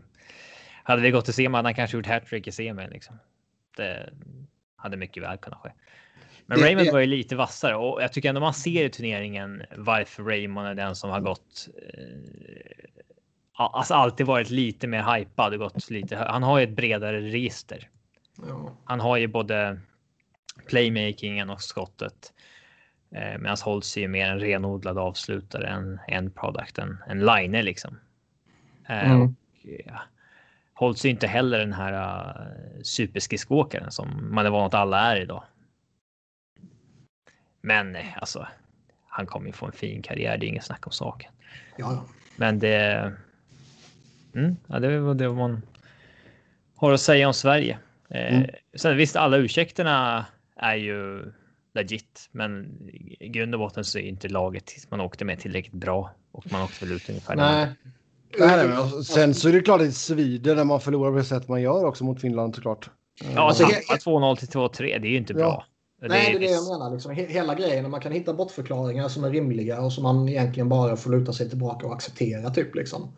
Men sättet man torskar kvarten på är ju under all kritik. Där man faktiskt sätter sig man gör ju inte en perfekt första period givetvis, men man sätter sig ändå i ett bra läge efter första perioden. 2-0-ledning och det ser ändå lovande ut liksom. Och sen bara tappar man precis allting. Och när de gjorde sin reducering, Finland, då kändes det som att ja, nu är det bara en tidsfråga innan de vänder matchen. Ja, de sköljer ju över Sverige i två perioder efter det och det är ju ja. under att man står emot till 3-2 målet egentligen. Ja. Och när 3-2 målet kommer så är det ju en minuts känsla av att nu smäller det vilken sekund som helst. Mm. Alltså vilken sekund som helst så gör de 3-2 nu. Och, äh, många matcher som man inte var särskilt bra i. Mm. Eh, och eh, hur många, hur, hur, många spelare tycker ni man kan lyfta fram som typ liksom övertygade? Jag, jag tycker max det är en handfull. Ja, det är två jag skulle vilja säga. Eller tre kanske. Att, uh, ja, det är väl såklart oerhört hypad Elmer Söderblom. Ja. Uh, ja, han blev imponerad av. Han hade ju halvdan koll på på förhand. Och han, han klev ju verkligen fram. Mm, och uh, Arvid Kostmar är väl ganska han stack väl ut ändå. Liksom. Han, han gjorde ja, ändå ett avtryck. Han, han, han skulle jag också eh, lyfta. Jag tycker han var... Eh, ja. Alltså inte fantastiskt, men han gjorde ett avtryck. Ja, han var delaktig liksom hela tiden. Uh... Sen tycker jag väl att Noel Gunler får man ändå lyfta. Uh, inte för att han gjorde avtryck hela tiden, men han gör ändå sina mål. Han är bästa målskytt. Uh, han hotade liksom. Eh. Sen är väl Jesper Wallstedt är väl den, den sista jag skulle lyfta som ändå ja. gör det bra mot ryssarna, står emot deras anstormning där. Enda anledningen till att vi faktiskt är kvar i matchen första 10-15 eller vad det nu var. Jag gillar ju Emil André på backen också, Flyers. Eh, ja, jag tyckte han var bra, men jag tyckte inte han liksom övertygade och klev fram. Det var ju ett problem tycker jag när, när Björnfot, Broberg, Johansson och Söderström eh, till och från eller ständigt var skakiga. Så var det ju inte heller någon annan som klev fram. Och ja, det, det kan man väl inte förvänta sig av de, av de övriga. Men det skulle behövts för att kompensera om man ska gå längre. Liksom. Det är svårt att säga vad... Jag, jag, tycker det är svårt att veta vad man ska ha för förväntningar på Björnfot. För det är en Mm. kille som. Han gjorde liksom bara sju matcher i Djurgården 18-19. Sen stack han över till NHL direkt. Eh, och platsade inte, spelade AHL, fick göra tre matcher i NHL. Sen kom tillbaks till Djurgården nu. Dowdy. Ja, men liksom I säsongen nu med, med Djurgården så är det så här att oh, den här killen har ju varit på vippen till NHL. Det är liksom en toppback man får in. Ja. Men inför säsongen, han har bara gjort sju SHL-matcher. Eh, Vad ska man då ha förväntningar? Och ändå lite samma sak när man kommer fram till JVM nu, att han har inte liksom varit så bra i Djurgården de här 15 matcherna han spelat i år. Ehm, han är liksom kanske sjätte bästa backen i laget. Då har man inte en grym backsida. Men Mm. att han gjorde det här konstiga och halvlyckade försöket att ta sig in i NHL, det har ju ändå liksom höjt förväntningarna på honom ganska brutalt. Oh, ja. Ja, alltså han hålls fortfarande väldigt högt inom uh, Kings-kretsarna också. Liksom. Så det, men det är väl en spelare som behöver slussas in lite och spela med mm, jämte någon legitim back också liksom, för att få det att det fungera. är det är mer rimligt med förväntningarna på Broberg och Söderström liksom. Men man buntar ändå Ja. in Björnfot i samma fack på något sätt. Men han har ju levererat, eller han har liksom presterat och producerat sjukt mycket mindre Mm. Än båda dem. Det, är- det är ju ändå lite oundvikligt att man gör det. O, Mm. Oavsett om man är jätteinsatt eller bara eh, lite allmänt intresserad. Med tanke på att den ändå har varit uppe i NHL. Han varit hypad av True Dowdy och, och Mm. så vidare. Eh, Ja. Rättvist Yes. eller ej, det blir ju så. Ja, men Och- eh, Det tycker vad, fort, vad ja. Tycker ni om Broberg? Alltså det här att han liksom spelar med typ en arm Han spelar med en arm, ja, Vad är grejen? Jag fattar, alltså här, där kan jag nog ändå Stanley Cups-final. Där kan jag ändå tänka mig att man eh, märker eh, orutinen hos Joel Rönnmark. Men Och- borde inte liksom... Spelarna Alltså, det- vill nog alltid spela, men hans liksom kanske agent på, kan känna väl så här, men vad fan, du ska inte liksom... Eh, Nej, han har väl en... eller kan- klubb, alltså vad säger Edmonton?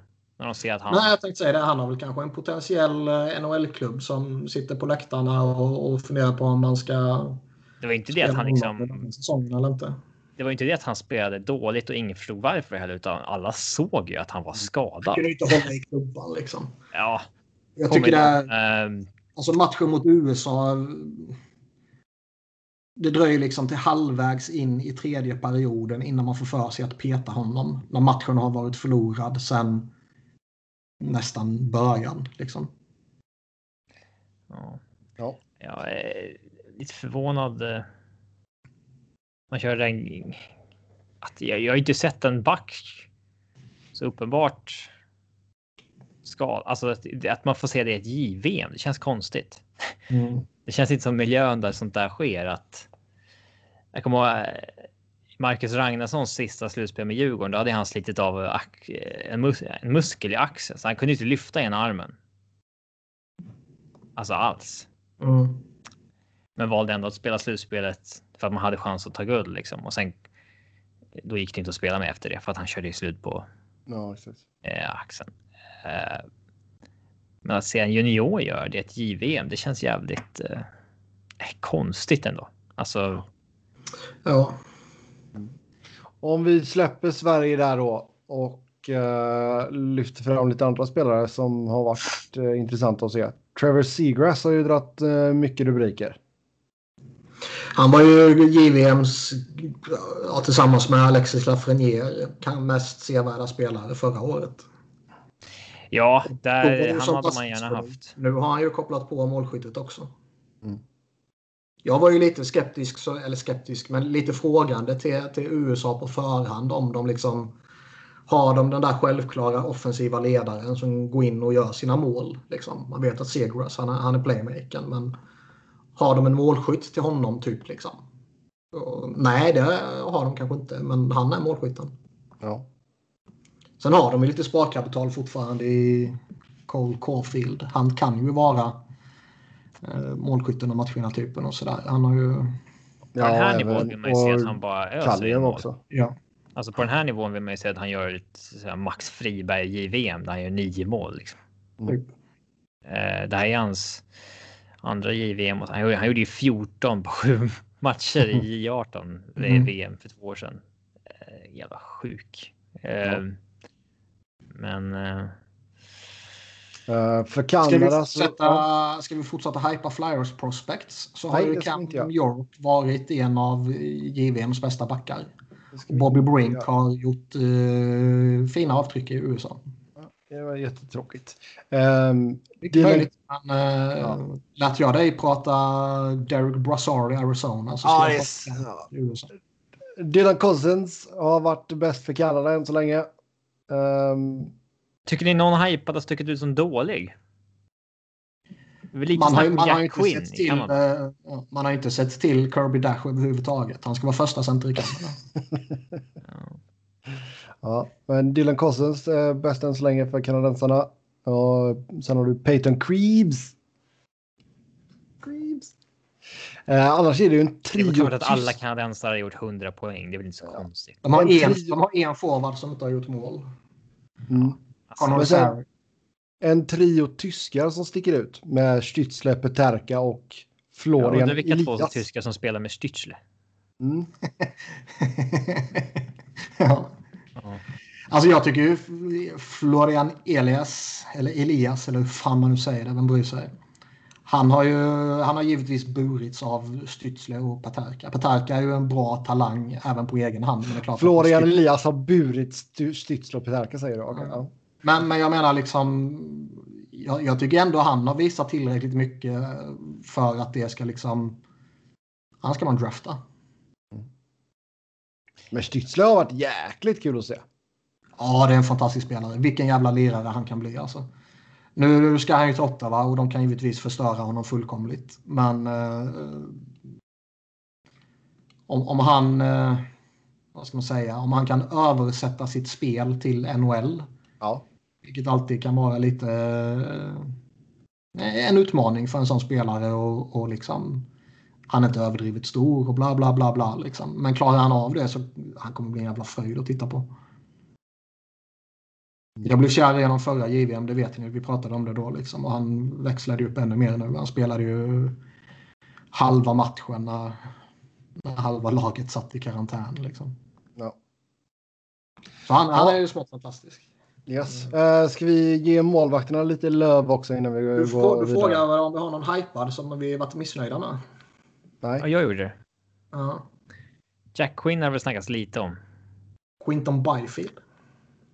Så pass. Han har ju gjort sju poäng på fem matcher. Men sex av dem kom ju i en match. Ja. Han har ju faktiskt fått rätt mycket eh, kritik. Ja, Han pratade Ja. ju, han är, han är ju stor utav helvete. Han är ju typ yngst i laget. Men störst liksom. Ja. Är ju, han är ju nästan två meter och 100 kilo liksom. Det är väl typ Så- bara Sö Söderblom som är större typ. Ja, och liksom han har inte spelat sen i våras. Han har inte spelat denna säsongen alls. Liksom. Man, man, man har ju förståelse lite för att en sån kropp är lite segstartad och kampen blev ju avbruten på grund av smittspridning och sådär. Liksom. Så man, man kan ju ha lite förståelse för honom. Han var med förra året, var väldigt anonym då. Visserligen i en klart mindre roll då liksom, men ändå. Man hade ju förväntat sig ändå att han eh, att han skulle göra betydligt större avtryck. Jag säger inte att man förväntar sig att han skulle göra dubbelt så många poäng eller något sånt där. Man kanske förväntar sig något liknande, liksom strax under 10 poäng efter kvarten liksom. Jo. Men, Men just att inte allt kommer i en och samma match. ja, att inte allt kommer i samma match och framförallt att han gör lite tydligare avtryck när man tittar på matcherna. Liksom. Mm. en stor spelare vill man ju se kunna vara dominant Oh, ja. Ja. På så vis liksom. Jo, det är klart. Men det är, ja, det är ju liten sample size. Vi får se. Så han är ju en total bast. Sluta. Ehm, målvakterna nu då. Vi ska ge en eloge till eh, Sebastian Vranesic. I Österrike. Askarov. Han hade man ju velat se. Han har varit skakig. Ja, alltså han hade med. Han skulle ju vara liksom den mest det bästa målvaktsprospect på liksom 2000-talet. Mm. Visst Nej, liten sample size, men Jo, men liksom, han var inte bra i JVM förra året heller. Där var han lite skakig där också. Men det kan man väl kanske... Eh, han var rätt rejält underårig då. Då kan man ju skaka av det. eh, Eller skaka bort det bara som ja, ålder typ. Men det här var ju hans JVM. Ja, nu, nu är han ju 02 så. Ja, han är ju med nästa år också. Ja, men, men det var liksom det är nu han skulle presentera sig om man säger så. Han har varit lite, han har varit skakig. Han har gjort briljanta saker och han har släppt några enkla mål och gjort några tabbar och så här. Samtidigt så är det ju en matchvinnartyp som liksom bara Spencer Knight är i jämförelse. Om man tittar på JVM här nu då. Liksom. Mm. Så han kan, ju, han kan ju stänga semin mot Kanada givetvis. Ja, det är ju alltså det är ju... Ja, det räcker ju med att han gör en tokmatch. Så Ja. Exakt. Det är ju en spännande match där imorgon. Eller idag, svensk tid. Vi spelar in detta.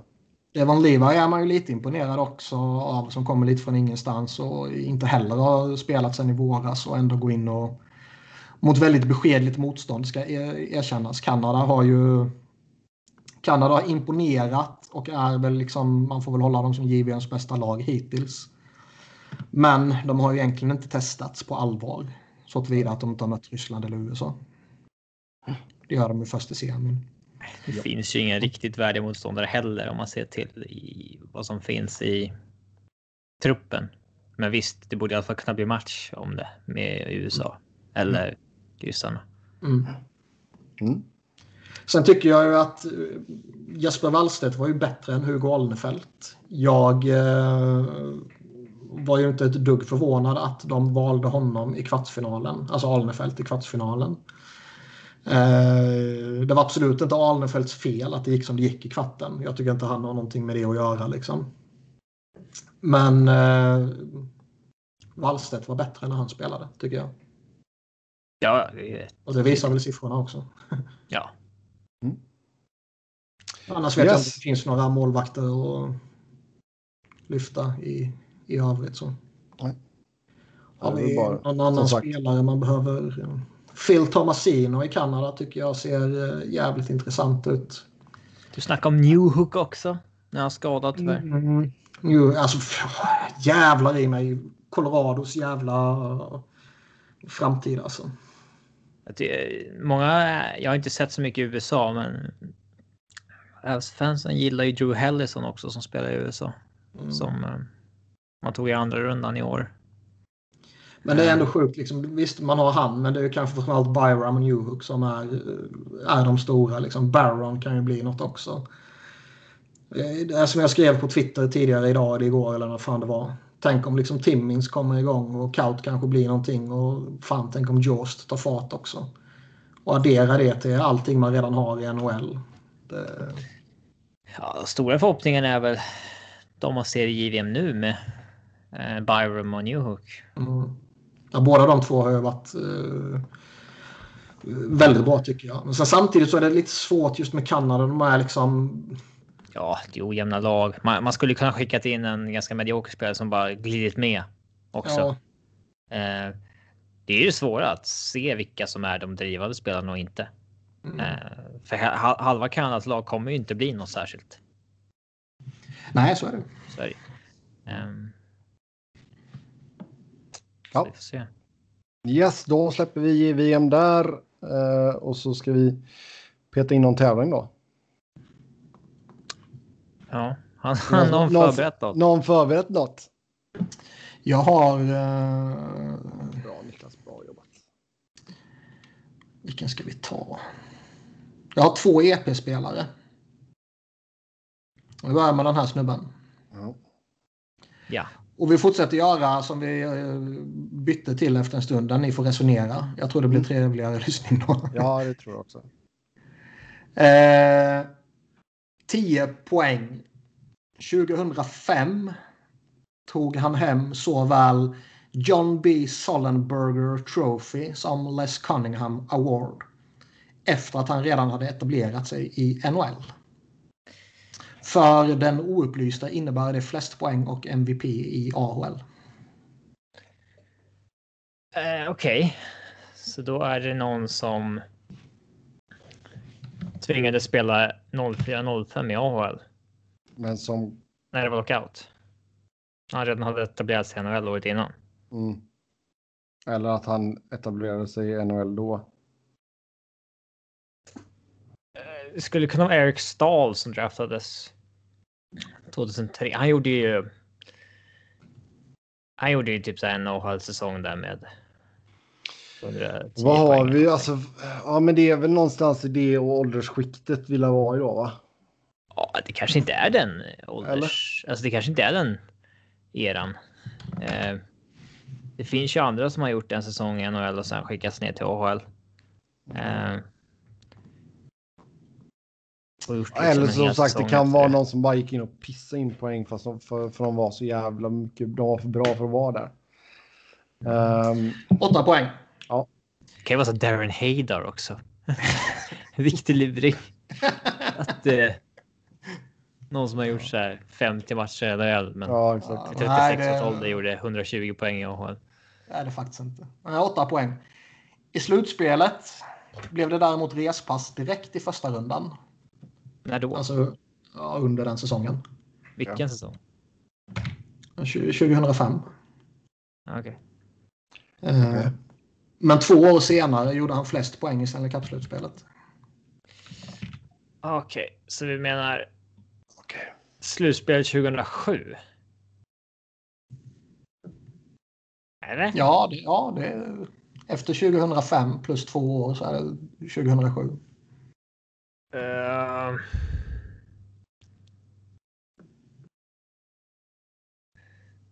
Då är det alltså Anaheim i final mot. Uh, vilka är det de mötte i final Sebbe?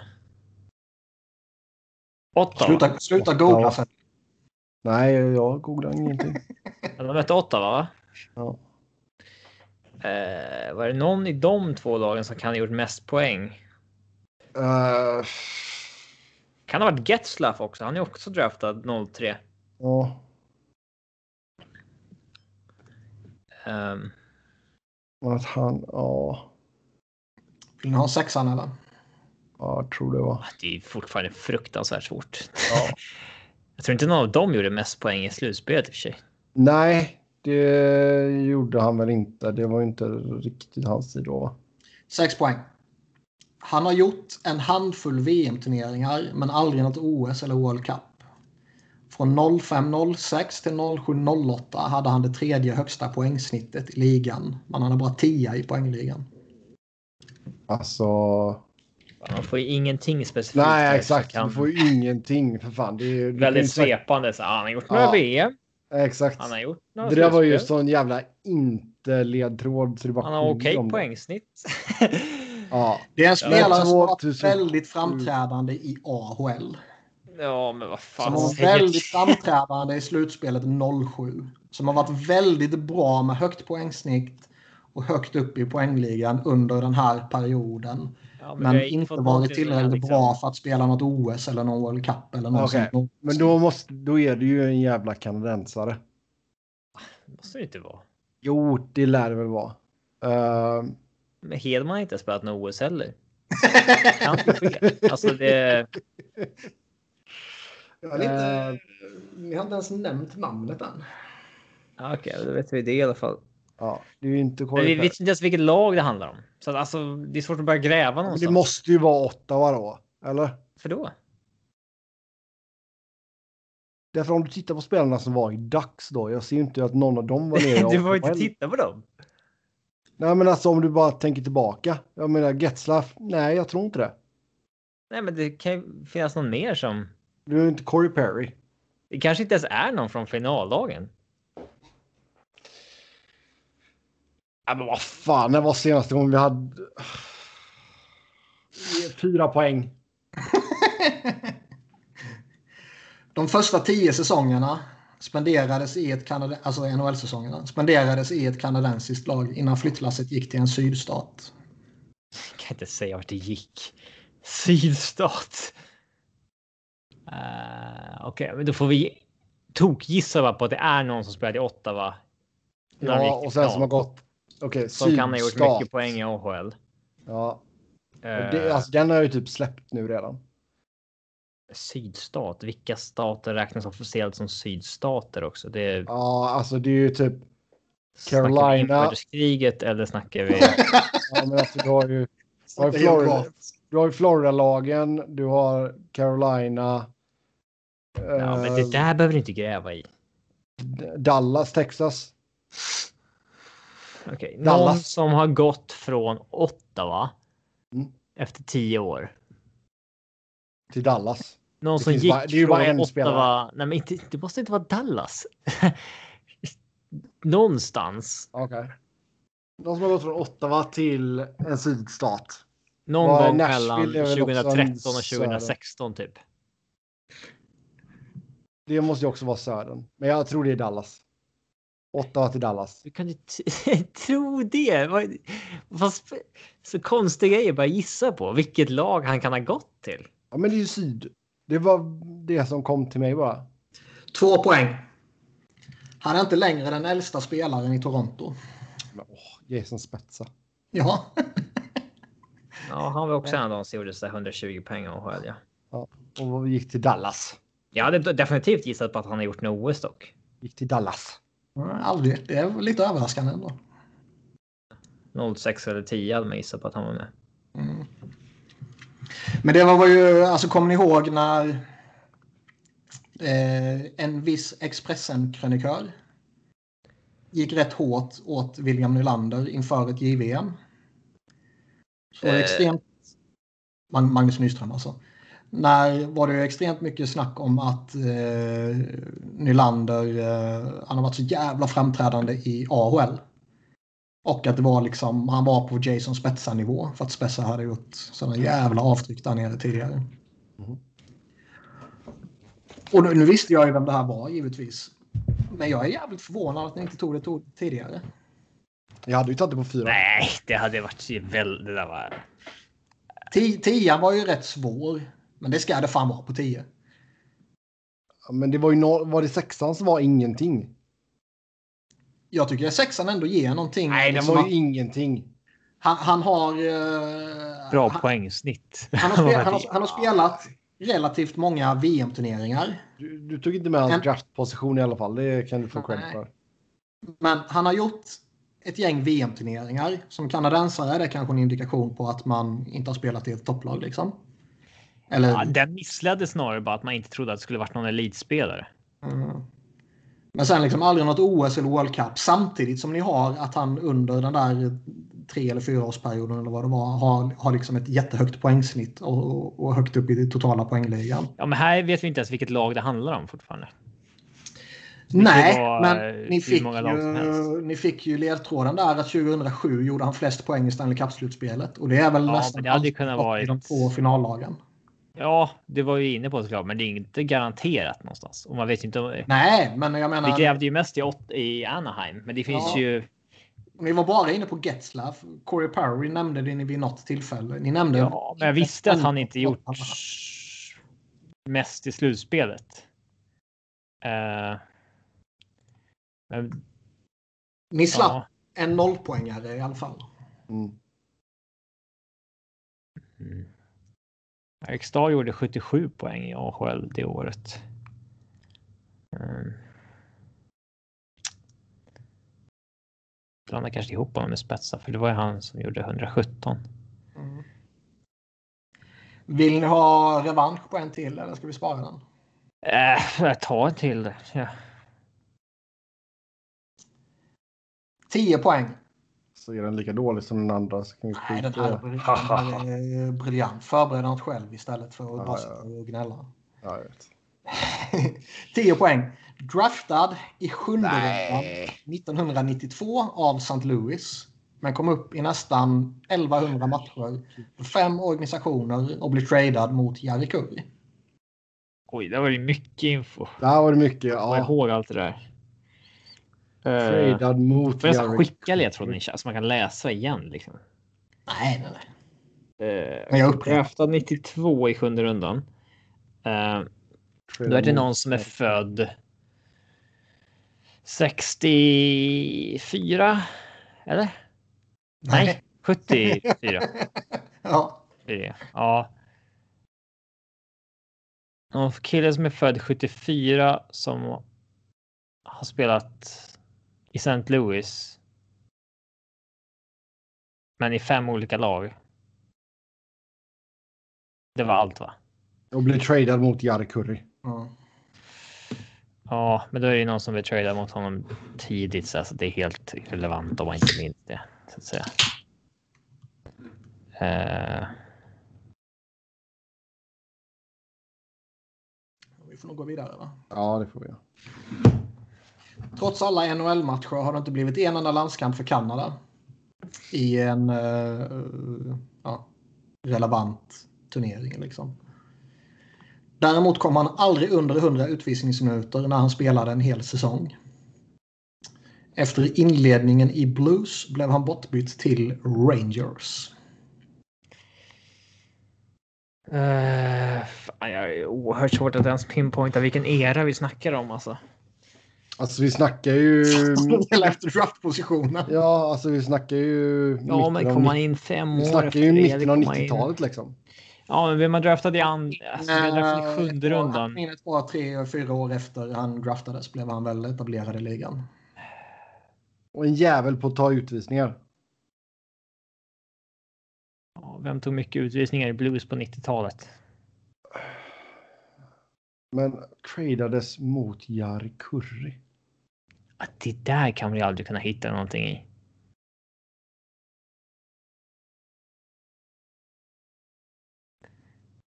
Jag undrar ju bara när, i vilket skede Eh, Det är man liksom missledd att det ska vara en forward automatiskt så att det är mycket utvisningar. Det kanske är en back. Jag kan ge er att det är en forward. Ja. Men sex poäng. Forward som har tagit mycket utvisningar i Blues som har spelat i Rangers också. Det var det vi vet då. Det är det vi vet. Alltså. Egentligen. Se- Sex poäng. Han gjorde karriärsbästa 21 mål i Colorado 05-06. Men gjorde aldrig mer än ett mål under ett och samma slutspel. Karriärens sista match gjordes i en finalmatch innan han fick sluta i förtid. Oj. Ja, det här skulle du ju kunna nu Robin. Kan det varit Darcy Tuckers jävla pissäsong i Avs? Nej, han har inte varit i Blues. 21 mål. 05-06. En jävla massa utvisningar. Har spelat i Blues Rangers, Colorado. Tradad mot Jari Kurri. Ja, det säger oss ingenting, så släpp det. Eh, Nej. Det måste säga oss någonting. Nej. Ja. Jo, När- kanske vi kan lista ut något till. Om du har de grejerna i huvudet, visst, då, då ger det Nej, något. det har jag ju inte. Nej. Eh, Jag tänker bara på vilka lag Jari Kurri har varit i. det säger oss ingenting att han slutade i förtid liksom. Nej, Eller? jag- Det kanske kan utesluta Ja. något namn som dyker upp, men det inte leda oss till någonting. Eh, Sluta sista efter matchen var en fin- finalmatch. finalmatch. Det, det kan ju vara tio olika finallag mellan 27 och 2011. Nej, inte 11. Det är för sent alltså. Det måste vara någon av de tre, fyra säsongerna efter.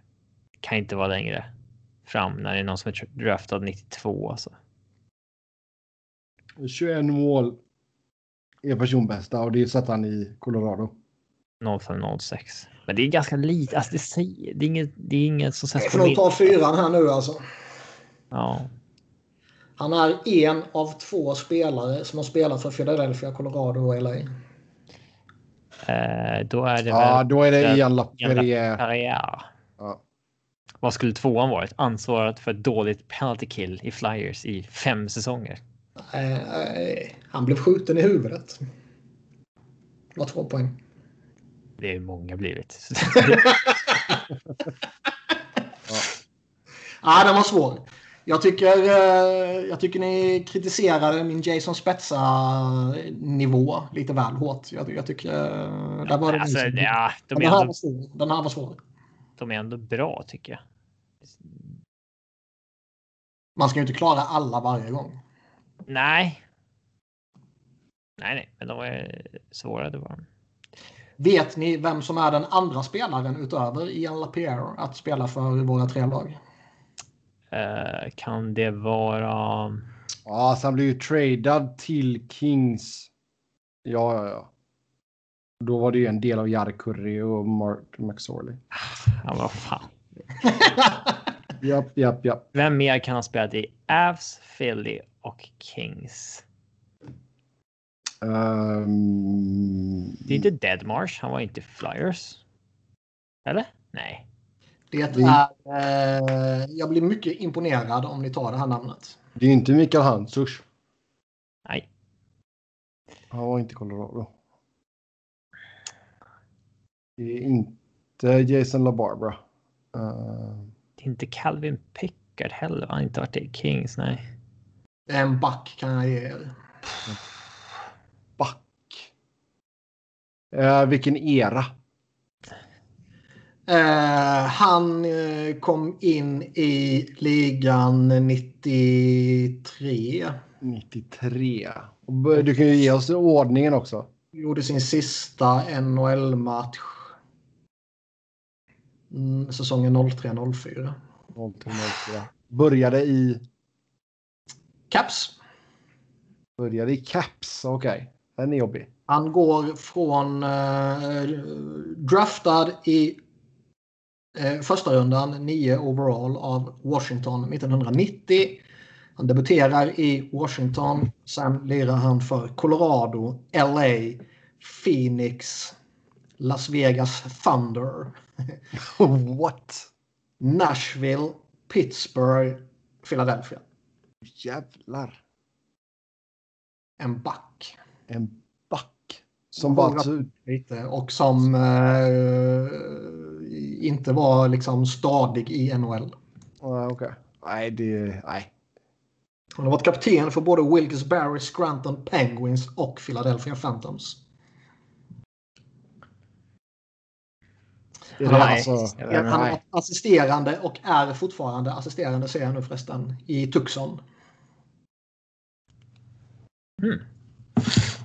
Ja, nej, jag kommer ju längre, Nej. längre ifrån för varje ledtråd som kommer. Han är i AHL Hall of Fame. Ingen aning fortfarande. Jag har inte koll på vilka- vilka deras assisterande tränare är. Och frågan är, jag, jag, jag tror ändå att Sebbe vet vem det är, men frågan är om Robin vet vem det är. John Slaney. Ja. John...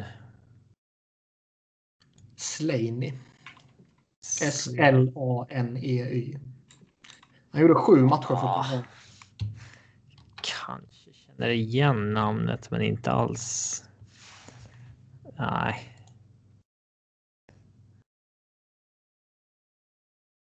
Han körde ju både i Roadrunners och Thunder i IHL. Ja. Mm. Mm. Japp, Han kanske vi kan få med i podden någon gång då. Hey John, you're one of two players who's played for our, our teams. Hade sett fel. Yes, då tar vi och glider över på lyssnarfrågorna. Som vanligt stort tack till er som har skrivit in. Först ut så är det någon som vill ha en utförlig analys 20 minuter plus my butt av Sam Morans positionsbyte. Har ni, till att börja med, har ni sett eh, det? Ja, jag såg det på Twitter. Jag följer ju ett par av er eh, Philadelphia-idioter. Mm, det får du skylla dig själv för. Ja, Vad... eh, Det, det, det, är ju... Vad fan ska man säga? Det, det, det, det känns som att det måste vara sjukt ovanligt. Att någon gör det och lyckas, ja. Att någon liksom AHL-flopp ska ju spela på en annan position på training camp. Det händer nog. För det är ju en intressant situation. Han har ju fått... eh, hela hans eh, utveckling har ju fuckats upp totalt på grund av två eh, knäskador. Och, eh, ska vi se, 17, 18, eller 16-17 spelade han en hel säsong i AHL. 17-18 gjorde han 15 matcher i AHL och 2 i NHL. 18-19 5 i NHL, 2 i AHL. 19-20 1 i NHL, 3 i AHL. ja. Så det är bra länge där han inte har kunnat spela. Krångligt att hänga med i det där, men eh, Mm. Han har inte spelat mycket hockey. 27 matcher senaste tre säsongerna. Ja. Eh, han är fan 25 bast han nu blir också. Ja. Eh, nej, men alltså det är väl inget. Argumenten som har slängts fram lite är ju sådär att de, eh, de tycker att de blev lite eh, utmusklade typ under slutspelet. Och att han ska kunna bidra med lite sånt uppe i forwardsbesättningen då. Ja, alltså, ju- om man väljer en att använda honom. Det är ju en stor jävel. Man har redan lagt till D slash left wing på Ja, ja, Prospect. Mycket viktigt. Det kan Eh. eh, eventuellt vara efter påtryckningar från Växjö. Ja, men alltså. eh, Det är liksom. Det är liksom en AHL-flopp som ska spela det på training camp för att de inte vet att han ska ta upp Seriöst? backplats typ. Det är. Han, han har aldrig floppat i AHL. Ja, men det är en kille som inte har lyckats på någon nivå. Ja, men han har inte floppat för han har varit skadad. Sen kan det vara en faktor liksom att han... eh, Spelar han med fem matcher så kan vi ta upp det. Eh, Dubbla knäskador kan jag ha gjort med rätt mycket med lite skridskoåkning som ser lite annorlunda ut för en back än för en, en winger kanske. Han kan inte åka baklänges längre. Ja, han har ju, det kanske han inte kunde innan heller. Han har, han har ju fysiska inslag som är eh, attraktiva kan jag ju tänka mig. Ja, jag sa ju han är en stor jävel. Ja. Ja. Och vi ska ju göra honom till John Scott, en all-star. Sådär ja. Ja. Är han frisk nu då eller? Ja. Ja, ja lycka till. Eh, sen är det någon som Jag, fattar frågar inte är, jag fattar att det inte är så coolt för er. Men för, eh, för oss riktiga Flyers eh, eh, supportrar. Ni är ju bara lite smygflyers eftersom ni tycker om mig och vill att det ska gå bra för mig.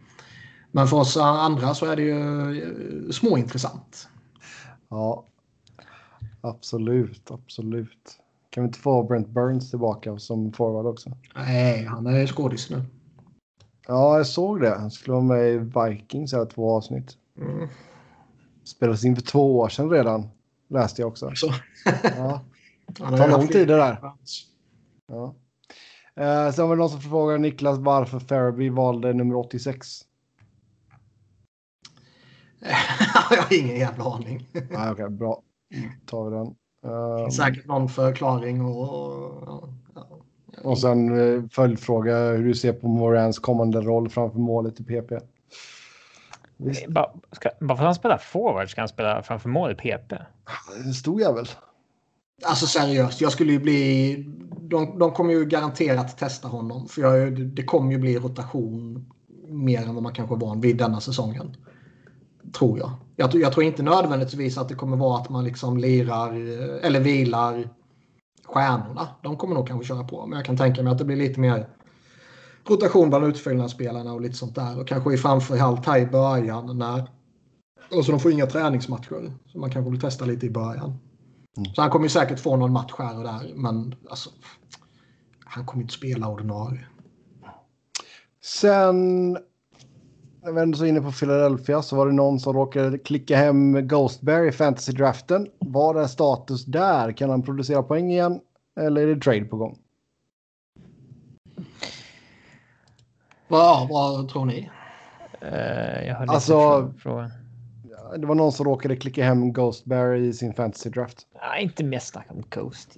Ehm, Jag, jag tror seriöst att han kan vara allt ifrån eh, Ivan Provorovs partner i första paret till eh, sjunde back. till att käka popcorn. Känns det inte som en kille som skulle kunna... Ja, men liksom, med allt som har hänt sista halvåret och året att han skulle liksom kunna hamna på waivers och gå oplockad. Alltså det sjuka är ju att man gör Sam Morant till forward innan man gör Ghost till forward. Ja. Fast han har väl inte samma size va?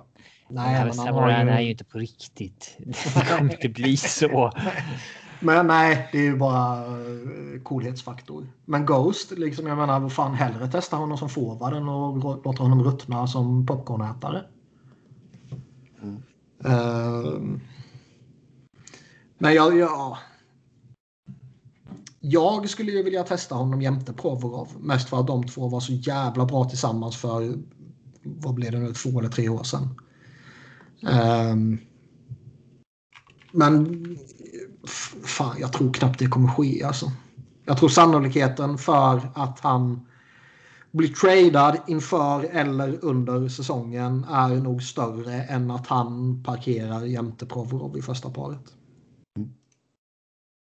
Ja, eh, alltså beroende på vart man tog honom i fantasyn så alltså tog han med ditt sista val så är det väl skitsamma men.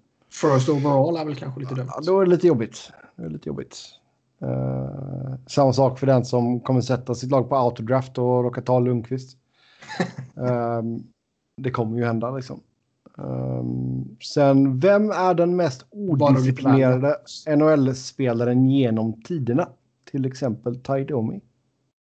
Ledande fråga att slänga in Ty Domi. Mm. Ja, men det är väl såklart en spelare som kan nämnas. Uh, Niklas har väl grävt i uh, arkiven här och hittat någon gammal pärla för oss.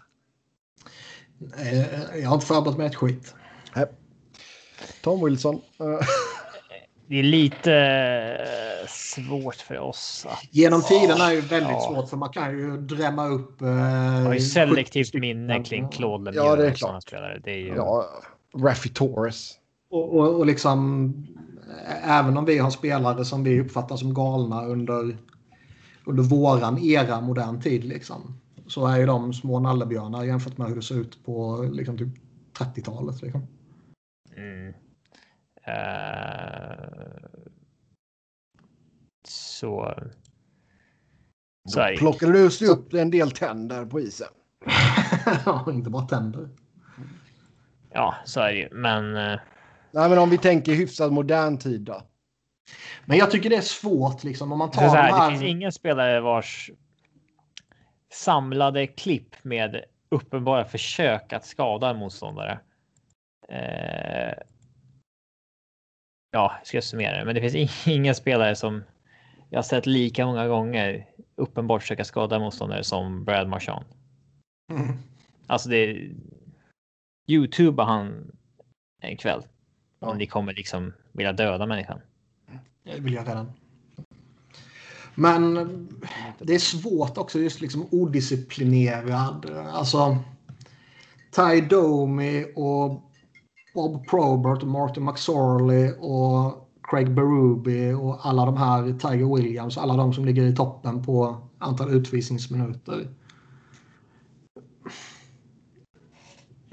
De, de hade ju tillåtelse att göra det liksom. Mm. Då var det ju glorified liksom. Ja, lite så. Och um, det, det, ja, det, det är svårt liksom också när man inte upplevt den eran på samma sätt liksom när man vet. Alltså om man var odisciplinerad eller man gjorde vad man blev tillsagd liksom. Den som vi har bild av att vara odisciplinerad kanske bara följde coachens order i allting han gjorde och samlade ändå på sig 2000 utvisningsminuter. Liksom. Ja. Men Basil McRae vill jag nog hänga ut. Basil. Good old Basil. En jävla sopa. Uh, han var, var han odisciplinerad? jag har ingen jävla aning, men han har massa utvisningsminuter. Ja. Ja. Um, ska vi göra en redraft eller ska vi tacka för oss för idag? Redraft av vad då? första rundsvalen mellan 2000 till 2020? Nej. Jag var inte på uppstuds efter två och en halv timme. Nej, då sparar vi den tills nästa avsnitt. Med det då så tar vi och säger tack och adjö för den här gången. Som vanligt kan ni köta hockey med oss via Twitter. Mig hittar ni på Norden, Niklas på Niklas Wiberg, Niklas med C, Wiberg med enkel V. Robin på R underscore Fredriksson och podden på SV Fans NHL-podd, podd med ett D. Tills nästa gång, ha det gött. Hej!